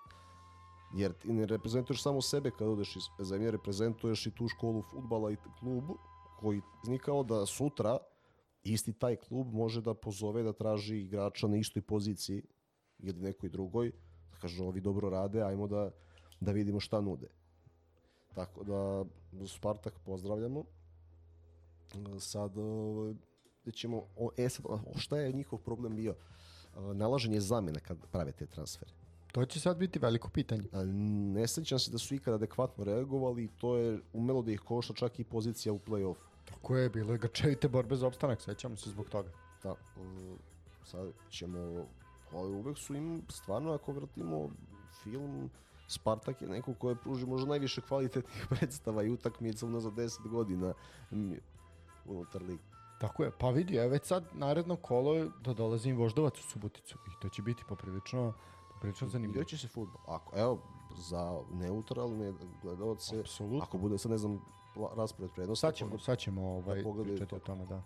Tako da, vidi, poprilično, poprilično ovaj, imaju ozbiljan zadatak pred sobom, ali ajde da vidimo. Mislim, zaradili su novce, sad je vreme malo i da se potroši. imaju, imaju dovoljno vremena.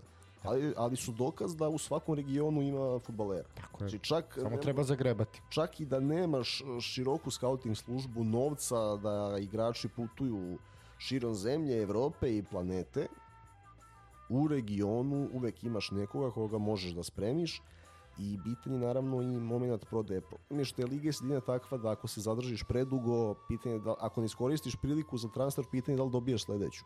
E, to je, to, je ono, to je ono na čemu svi moramo da radimo, da Liga bude razvojna i da to ako neko ostane šest meseci duže ne predstavlja problem za klub i samog igrača i pad cene. Tako je. A, dobro, u suštini sad smo izanalizirali sve, rekli smo Kolubara Radnički Niš je odloženo. A, što se tiče tabele, kratko ćemo samo pretrčati. Znači ovako, A naš šampion, A da, izvinjavam se. A ja, kako sam preskočio. Da, šampion je odigrao ovaj, u Lučanima. A da, vidiš, to se toliko podrazumeva da sam odustao ovaj, od priče. U suštini da. Šta da kažemo?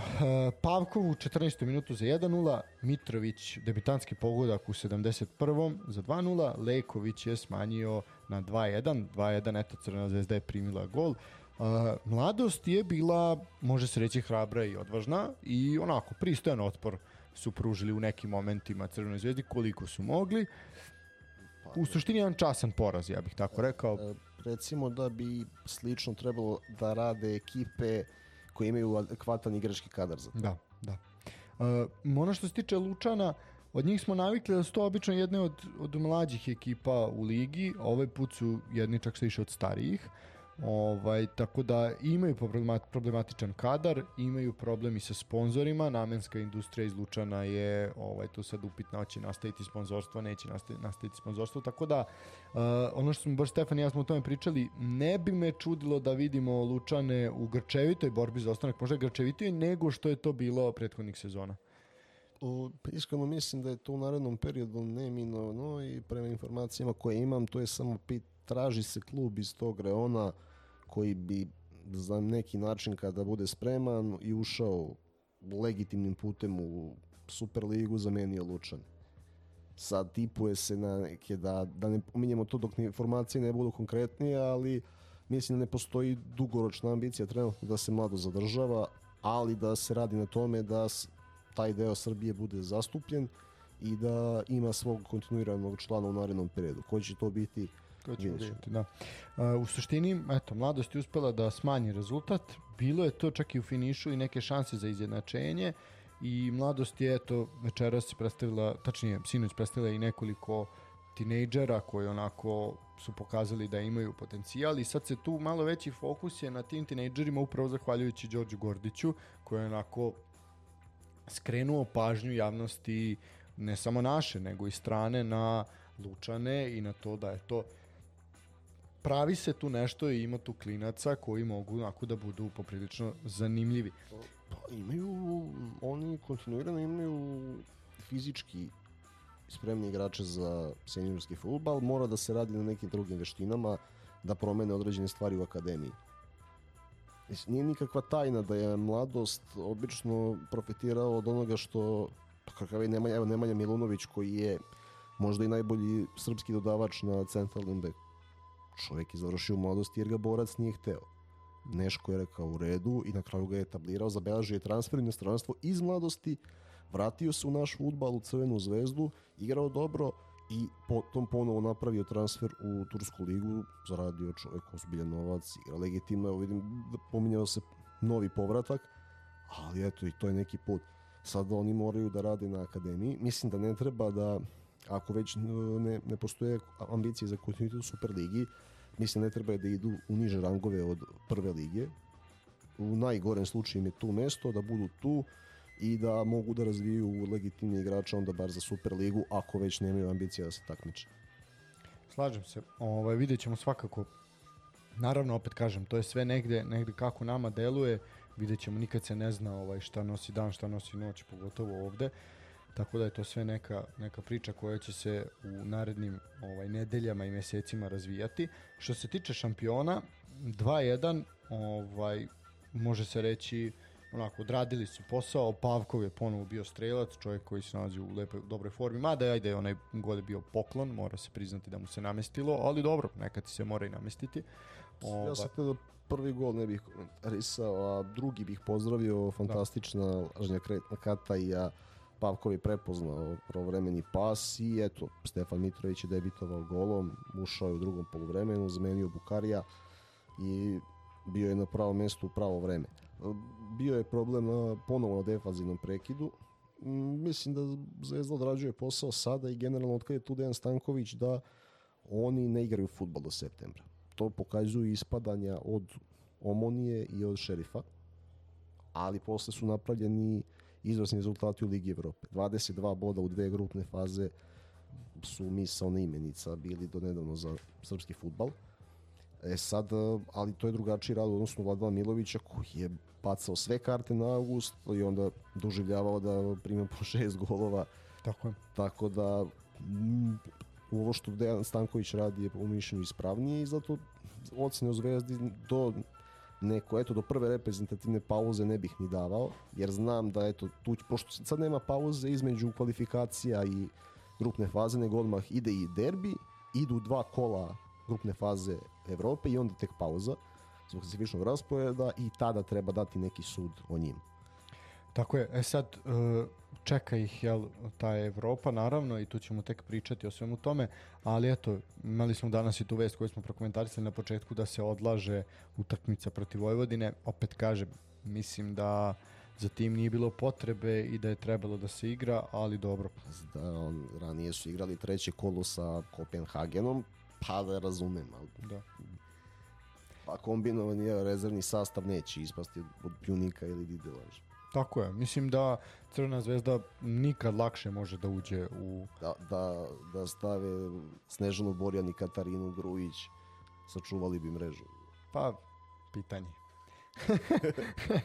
ovaj, dobro, da ne budemo bez, bezobrazni. Uh, sve u svemu, naravno, Crvena zvezda je apsolutno favorit ovaj, Pa mislim i za osvajanje Super lige, a i za ulazak u grupnu fazu Lige šampiona uz rekli smo da je to nekoliko puta smo to spomenuli, to je taj podatak da je prema onim elo bodovima i sve da Crna zvezda je gotovo siguran učesnik grupne faze, ona nema šanse da ne, ne uđe u bilo koju grupnu fazu takmičenja.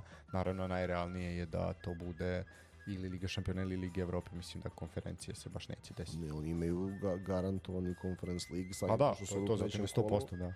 Tako da, ne, Liga Evrope je minimum zato što će izbaciti... Uh, mislim baš onako se nešto desi, ali nemoguće, da. E, sad Liga šampiona i tu slobodno može da se kaže da su favoriti. Trabzonspor pravi dobar tim, ali nisi sigurno da su jači od Crvene zvezde. Tako je. Mogu da pariraju, oni može da parira Plzen i sada od ostalih, navodno sada ono po onoj projekciji koeficijenata su Malmi i Karabak uh, projektovani da budu nenosioci u četvrtom kolu. Pitanje da li će stići do njega, dosta ih vidimo da, da Glimt, Štuca, Malmi ima probleme, Karabag nije loše ušao u sezonu, ali m, to nisu timovi koji vidim da je, znači ako izvu, najviše problema bi mogao da zada čak Plzen. Da, da, slažem se. Ove, pa dobro, vidi, ali ako ne možeš da izbaciš Karabah, onda ne treba da igraš Ligu šampiona i tu ne priča, mislim, to je kao što je prošle godine bilo sa šerifom, tako i... Mislim da samo što mislim da će ove sezone posebno, ako se desi da ne uđu u Ligu šampiona, u šta ne verujem, ja im prognoziram Ligu šampiona, ali mislim da će zbog ulaganja i ekipe koju su napravili veoma tragično to da dožive. Slažem, sigurno. Pa vidi, nije ni prošle godine to bilo baš tako da nije bilo tragedija, ove i pogotovo. Ali vidi, svakako svakako će biti primaran fokus je naravno osim ovoga je i da se osvoji šampionska titula, jer zna se da prvo mesto vodi direktno ligu šampiona, tako da tu, tu nema priče. Dobro, ja vid- ne vidim kako neće da uzme zbog Partizanovog starta i nekih drugih problema. Tako da, Pošto bi neke stranice već na društvenim mrežama rekli čestitamo Crvenoj zvezdi ulazak u grupnu fazu Lige šampiona naredne sezone, tako da sve u svemu, ali dobro, naravno ima tu još mnogo da se igra. E sad, što se tiče tabele, ajmo brzo na tabelu pa najaviti naredno kola. Uh, ovako, znači prva na tabeli je Crvena zvezda, 3, 3 od 3, što bi se rekli, 11 dati golova, 1 primljen, 9 bodova. Vojvodina je druga, posle mnogo, mnogo vremena bez primljenog gola, rekli smo 7 bodova skupljenih, moglo je da bude maksimalan učinak, ali eto, Manojlović je isprečio. Čukarički je treći sa 6, Partizan četvrti sa 5, koliko imaju i TSC, i Spartak, i Radnički iz Kragujevca, i Voždovac, znači eto, četiri ekipe sa istim brojem bodova ispod crte što se tiče jel, sada zamišljene play-offa i play-outa je Javor e, sa 4, koliko ima Mladost Gat takođe 4, a onda ekipe sa po jednim, bro, po, sa po jednim bodom su Lučani, Napredak, Radnik Surdulica, Radnički Niš i Kolubara, koja ima i utakmicu manje kao i Radnički iz Niša i Novi Pazar je za sad jedina ekipa bez bodova. E, Jedina ekipa da nije postigla pogodak u ligi je napredak iz Kruševca, to smo rekli, a samo dve ekipe ga nisu primile, a to su Voždovac i Vojvodina. Što se tiče narednog kola, ono počinje 29.7. što bi rekli dođe petak, jel? 29. petak, jeste. 29. petak Crvena zvezda igraju, Crvena zvezda i Partizan igraju odmah u petak. Oni će otvoriti kolo. Partizan igra u Novom pazaru od 18.55 i kakve su tvoje prognoze za tu utakmicu? Novi Pazar će sigurno izaći bolje u smislu ničih lopti i duela. Partizan je uvijek za njih dodatni motiv. Ako ne postoje neki vanredni potresi u klubu, Partizan ne bi smeo da ima problem. Sad to ne znamo da ipak bez obzira kao Ivanjici, bez obzira na igrački kadar Pazara da ne možu da ne daju gol i da će da dobiju utakmicu. Pa što opet ne znači ništa za Partizan niti uliva optimizam pred evropske duele. Tako je. Ok, šta bi, šta bi stavio na, na tiket? Na tiket, ajmo ovako, uh, pa recimo, recimo dvojka i gol gol. Nešto kao sa Čukaričkim. Dobro. A, ja ću reći mm, gost daje dva ili više. A, recimo da je tako. A, Crvena zvezda radnik. Pa ovo m, će biti jedno napucavanje o, ovaj, od strane Crvene zvezde. Mislim da ode radnik nek samo se trudi da bude što manje lopti u mreži, mada su prošle sezone uspevali čak i da im uzmu bodove i da ih pobede, ovaj, ali ove A, sezone bojim se da... Znamo koliko je proteklo vremena od kad je Voždovac poslednji put uzeo bodove, tako da ne očekujem ništa, sigurno. Ja ću reći 4 plus. Mislim da Pa nema šta, Geci 4 plus. Naravno, može se pojačati kad prilično je jasno šta će biti. A, dobro, a to je što se tiče petka. E, u subotu imamo prvu utakmicu, za sada tako stoji, od 17.30, ali uzmite u obzir da a, su u ovom kolu isto tako bile zakazane utakmice od 19 časova, pa je zbog ovog pakla napolju pomerano. E sad, ovde stoji 17.30, subota u Kragujevcu, radnički dočekuje Vojvodinu. Radnički Vojvodina. To mm, očekujem dvojku. Pa mislim da sve sem dvojke onako, ali sad eto, mene sad ovde jako zanima reakcija ekipe nakon, ove utak, nakon ovakve utakmice protiv Spartaka i još više me zanima u narednom kolu šta će biti kad Vojvodina bude ponovo domaćin, koliko će publike biti, to sam krenuo da kažem, znači prethodnom kolu je bio zadatak kupite kartu na vreme, e sad dođite da podržite momke kad nisu prvi put pobedili, ovaj, lako je biti navijač rezultata. Uh, pa ja onda očekujem da Vojvodina baci makar dva gola, znači gost dva ili više, jer mislim da su zaista mnogo kvalitetniji od Kragujevčana. Pa Ja očekujem baš zato ako nastave da igraju isto kao i Spartaka, da će da pobede i i da, da Carević ostaje nesabavljen. Reci, evo, s- o, znači dvojka, rizičnije super pobeda dva. Dobro. Uh, na, ja ću to napisati. Dobro. E sad, od 21 čas imamo dve utakmice, a prvo ćemo ići u Kruševac, gde će napredak dočekati Javor. Vreme je da ga daju. Pa mislim da, da je vreme da ga Ajde, daju. Domaćin jedan plus, pa... pa ne pukne čoveč. Pa da, ajde ja ću reći... Hm. Ja ću reći oba tima, zapravo neću reći oba tima daju gol. Uh, hm. Ajde ću oba tima daju gol. Ajde kad sam krenuo nek bude to šta sam krenuo, oba tima daju makar po gol. Tako da eto, naši drugari iz Kruševca, mislim da je vreme konačno da, da padne gol. Uh, A obradovaće se Mladen Sekulovski. Da. Uh, e sad, druga utakmica u subotu od 21 čas je utakmica između Spartaka u Subotici i Voždovca. Spartak, Voždovac. E sad, pazi, znači Spartak odlasci, Voždovac igra kako igra. Ja ovde tipujem na x2, minimum. 2 do 4 gola. Dobro. Znači, to je Spartak. Dobro. E sad, e, u nedelju od 18.55 imamo duel u Nišu, gde će Tomislav Sivić dočekati Žarka Lazetića, znači radnički TSC. U, Pa, interesantno, Sivić imati potrošnju u toku nedelje. A da, imaju Gziru, da, to nismo rekli. Fo- Fokus je apsolutno na tome, zato što nije zabeležena pobjeda već na Malti. Tako da verujem da je tu, fokus pripreme na tome. Mitrović je otišao, bit će rotacija, pa evo ja, ja ću tu da kažem x2. Pa da, isto sam, isto sam i ja napisao, mislim da je ovde, da ovde TSC osvaja makar jedan bod, ako ne i sva tri. Uh, od 21 časa, eto, Kolubara je odmarala prošlo kolo. Od 21 čas Kolubara u Lazarevcu dočekuje uh, Lučane.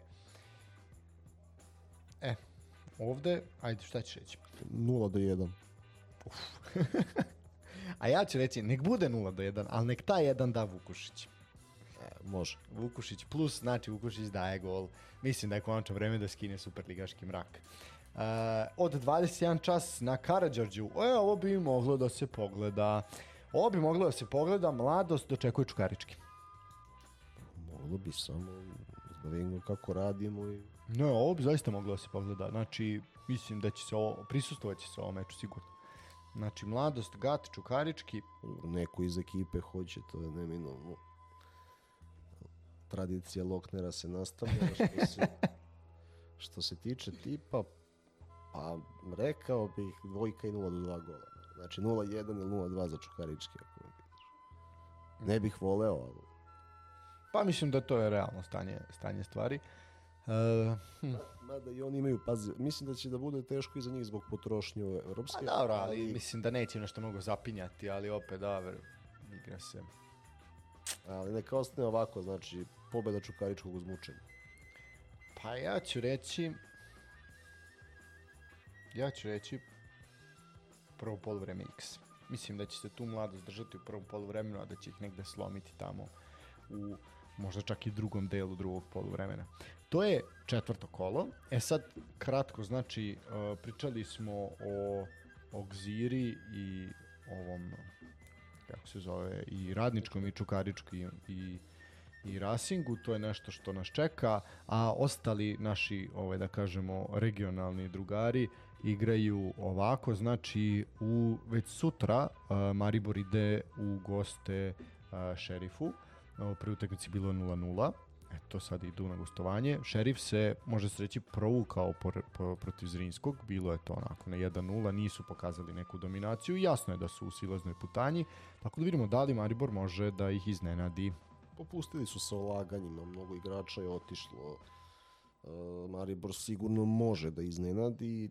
Nisam prognozirao visok plasma šerif u Evropi ove godine. Jednostavno, ta, takvi igrači u toj sredini uz političku situaciju se događa, izuzetno je teško nadomestiti. Čak i da prođu Maribor, ne vidim da, da šerif beleži, da ponavlja uspeh. Da, uh, od 21, to je 19 časova, od 21 Dinamo ide u goste ovom Škupiju ili kako god da se to čita. 2-2 je bilo iznenađenje na Maksimiru, mada zaista što se tiče te utakmice nije tu bilo mnogo standardnih prvotimaca, što bi rekao Zoran Zekić, sve ih je odmarao za Slaven Belupo, ovaj Ante Čačić i bilo je 2-2, tako da mislim da sada Ove će to biti jedno čišćenje lagano. Standardni Dinamo na domaćem terenu pred kvalifikacijama na kraju kad god se ponadaš da su mrtvi oni prođu i onda tako Uh, u sredu Sutjeska ide u goste Klasvikaru, bilo je 0-0 u Nikšiću i mislim da sada zaista ovaj mora Sutjeska da pokaže da je ipak kvalitetnije nego i Farani. Tako da, ali eto, neko je ispao od Farana. Nisam optimista kad je crnogorski futbol u pitanju. E, jako je to tužno. trenira. jako je tužno. Jednostavno mislim da, da su Farani favoriti nakon što su sačuvali nulu tamo. Da. Uh, Makedonija, Gjorce Petrov igra protiv CSKA i Sofije 0-0 je bilo u Makedoniji, eto sad u Bugarskoj Saša Ilis na svom terenu pokušava da obezbedi prolaz dalje stvarno mi je teško kad sam mislim kao trenera i dalje kao je prošla cela sezona i u Čuki nekako on na klupi mi nikad nije, nije delovalo prirodno. Na stranu svog umeća, majstorstvo futbolsko, ne mogu da se naviknem uopšte. Uh, ili ne mogu da se naviknem što se ja stariji e, ili to, da, to će da biti, je... to će biti. Pa ja to pokušavam ljudima kao zašto, čemu je moja obsesija za Vukušićem?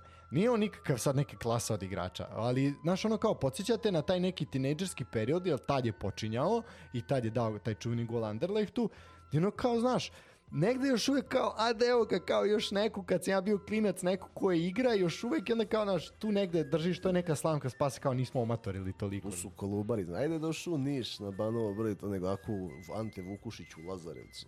Pa to je to, ne? Pa, ne, ne znam da li ima, da li je, ovaj, da li se možda poznaje sa Stefanom Birčevićem privatno, da li su negde ludovali, pa, pa ga je Birča preporučio, ali Vukušić u Kolubari odakle čovjek. Pri tome je predsednik Kolubara otišao autom u, u Sinj po njega, mislim što je zaista svaka čast. E, tradicionalno ljubazni srpski domaćini su uvek bili u Lazarevcu, nije, nije to sport. Uh, ajmo dalje. E, Djur Gardens, Rijeka. Ovo je jedan zanimljiv, zanimljiv meč. Rijeka je izgubila na svom terenu 2-1, iako su poveli. I Rijeka je, eto, desilo se to da imaju težeg protivnika u tom prvom, prvom ovaj, naletu evropskom, nego u narednim kolima ono što ih čeka i bit će prava šteta ukoliko, ukoliko ispadnu, ali poprilično su se mučili, e sad vidjet ćemo šta će biti gore, gore u Švedskoj. Kažem, lakši protivnici mnogo ih čekaju u narednom kolu ako ovde prođu, ali treba ovde proći. Djurgardens nije ni malo naivna ekipa.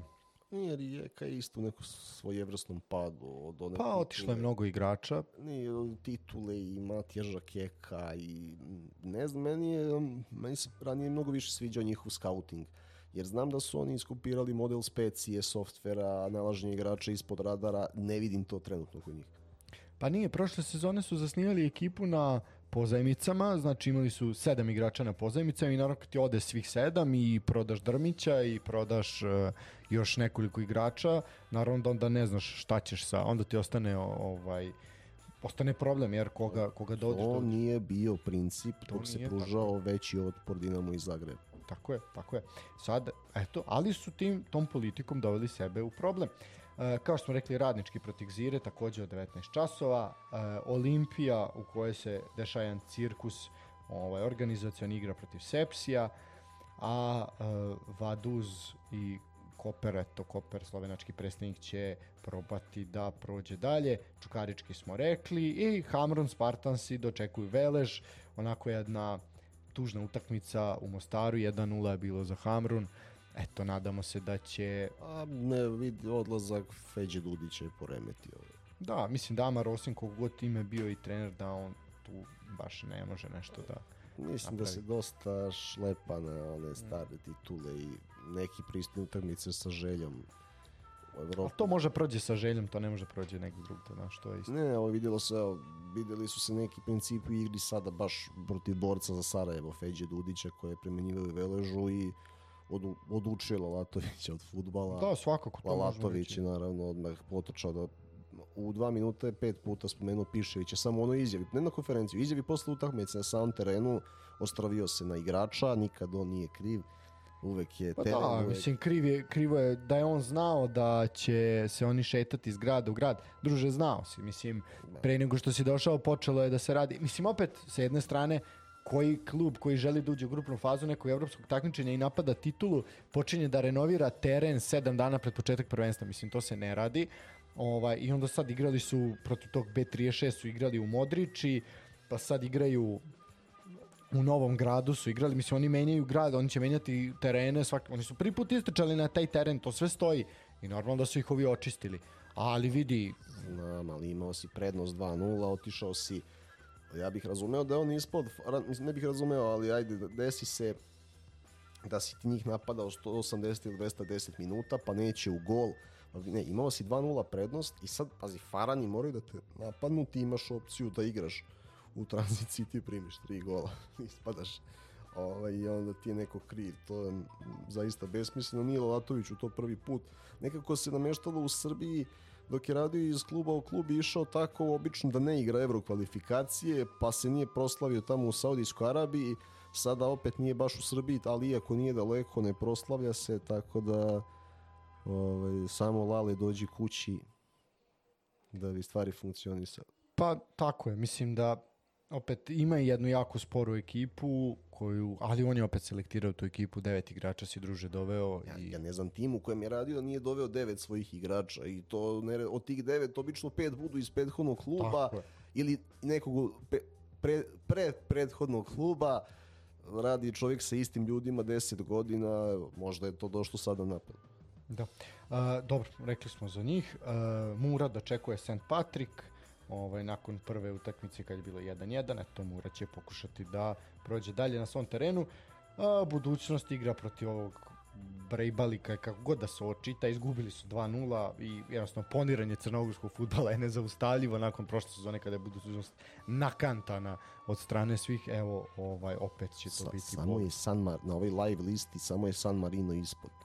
Nije čak šta više je Crnogorska liga niža od San Marina. Ja mislim da sam vidio da je ispod samo Prošle sezone su bili najlošija liga u Evropi.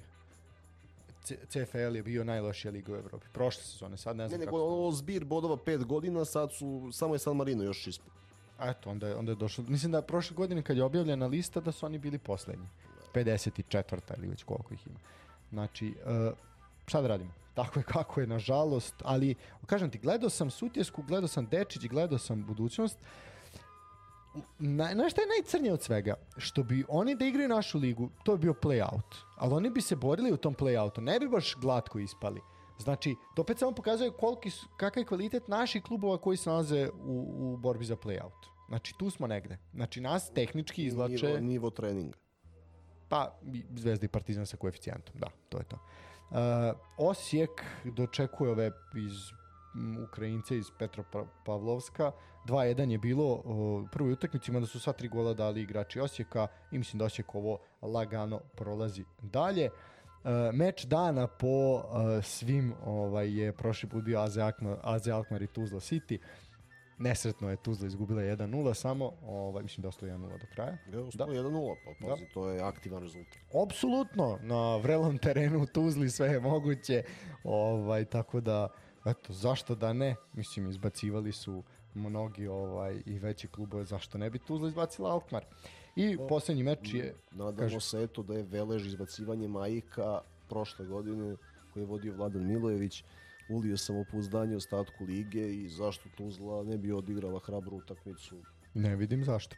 Uh, što se tiče posljednjeg utakmica, a to je još ovaj Bilbija će prevoditi, predvoditi Zrinski protiv Tirane. Uh, Tako da time bi se završila negde priča o ovim kvalifikacijama i o ovome svemu što nas čeka ove nedelje. Svakako tek očekujemo da se priključe svi ostali, da kažemo i, i Partizan, i Hajduk, i Sarajevo, i svi ostali koji igraju kvalifikacije, ovaj, kad krene to malo da se zakuvava, a nadamo se da će, mislim negde moja želja je da uh, mi imamo tri predstavnika, ako već ne možemo četiri, pa i čak i da Hrvati imaju dva, mislim da je vreme da imaju dva predstavnika posle dugo vremena i da ta Bosna konačno dočeka jednog učesnika, makar ligi konferencije. Nadam se da to i mislim da to Feđe Dudić možda može da uradi sa Sarajevom. A siguran sam da će da odigra legitimne utakmice. Sad, rezultat je već nešto drugo. Što se tiče Srbije i trećeg predstavnika, sada moraju da odigraju i Čukarički i Radnički maksimal. Zašto? Zbog žeba da preuzmu status nosioca ako izbace Twente ili Wolfsberger. Sve ne, ne, uh, ne, da li, da li bi preuzeli u stvari, izvini. Ja sam, ne, teško, teško, nisu ni Twente, ni Wolfsberger, oni su ispod Partizana, tako da moja greška, mislio sam da postoji mogućnost. Uh, to bi bilo da su izvukli možda Az ili ili Makabi, Tel Aviv ili PAOK, ovako ne. Ali dobro, pazi, ako izbaciš Twente ili Wolfsberger, možeš i još nekoga u, u play-offu, posebno što tek onda nema šta da izgubiš, samo poznanje ti raste. Tako je. Sve u svemu, o, ja bih polako privodio ovo druženje kraju, mislim da smo rekli sve što treba da kažemo, onako smo detaljno analizirali, najavili. A, hvala Malo i više smo rekli na kraju. Da, pa dobro, mislim u suštini. planirali prvo biti. Tako je, tako je. Ovaj, u suštini, uh, hvala, hvala svima vama koji slušate, kao što rekoh, nalazimo se u ilegali dok se naši radijski roditelji ne vrate sa godišnjeg odmora i dok to sve ne sredimo da opet možemo da uh, uživamo u uh, live prenosima. Do tada slušamo se na svim mogućim platformama. Danas smo postavili linkove ka platformama gde nas možete slušati. Uh, hvala ljudima koji su donirali ovaj Ognjenu najviše koji je to donirao za humanitarne etikete ove naše gde mi pokušavamo nešto kao da pogodimo a evo sad smo Nikola i ja nešto prognozirali možda tog bude nešto možda ne bude ništa ali eto ajde nadamo se da je konačno vreme da pogodimo sve Uh, u suštini to bi bilo to za ovo 92. izdanje uh, sportskog pozdrava. Nikola, tebi hvala još jedan što si po ovom a, toplom vremenu, toplo je blaga reč vremenu, ovaj, došao i ovde se sa mnom zajedno kuvao ovde u potkrovlju, ali dobro, za, za vi, višu svrhu je. Hvala što si zvao, vidimo se ponovo, jedno si trebao da naglasiš da je humanitarni tik i da sa većom željom možda tipujemo. Ovaj, da ne, dobro je, pa dobro. vidi, ovo je, to je to. Ali ako, pa ne, pa, realno, obzirom realno na tipove, ako prođe, onda ćemo nekog usrećiti.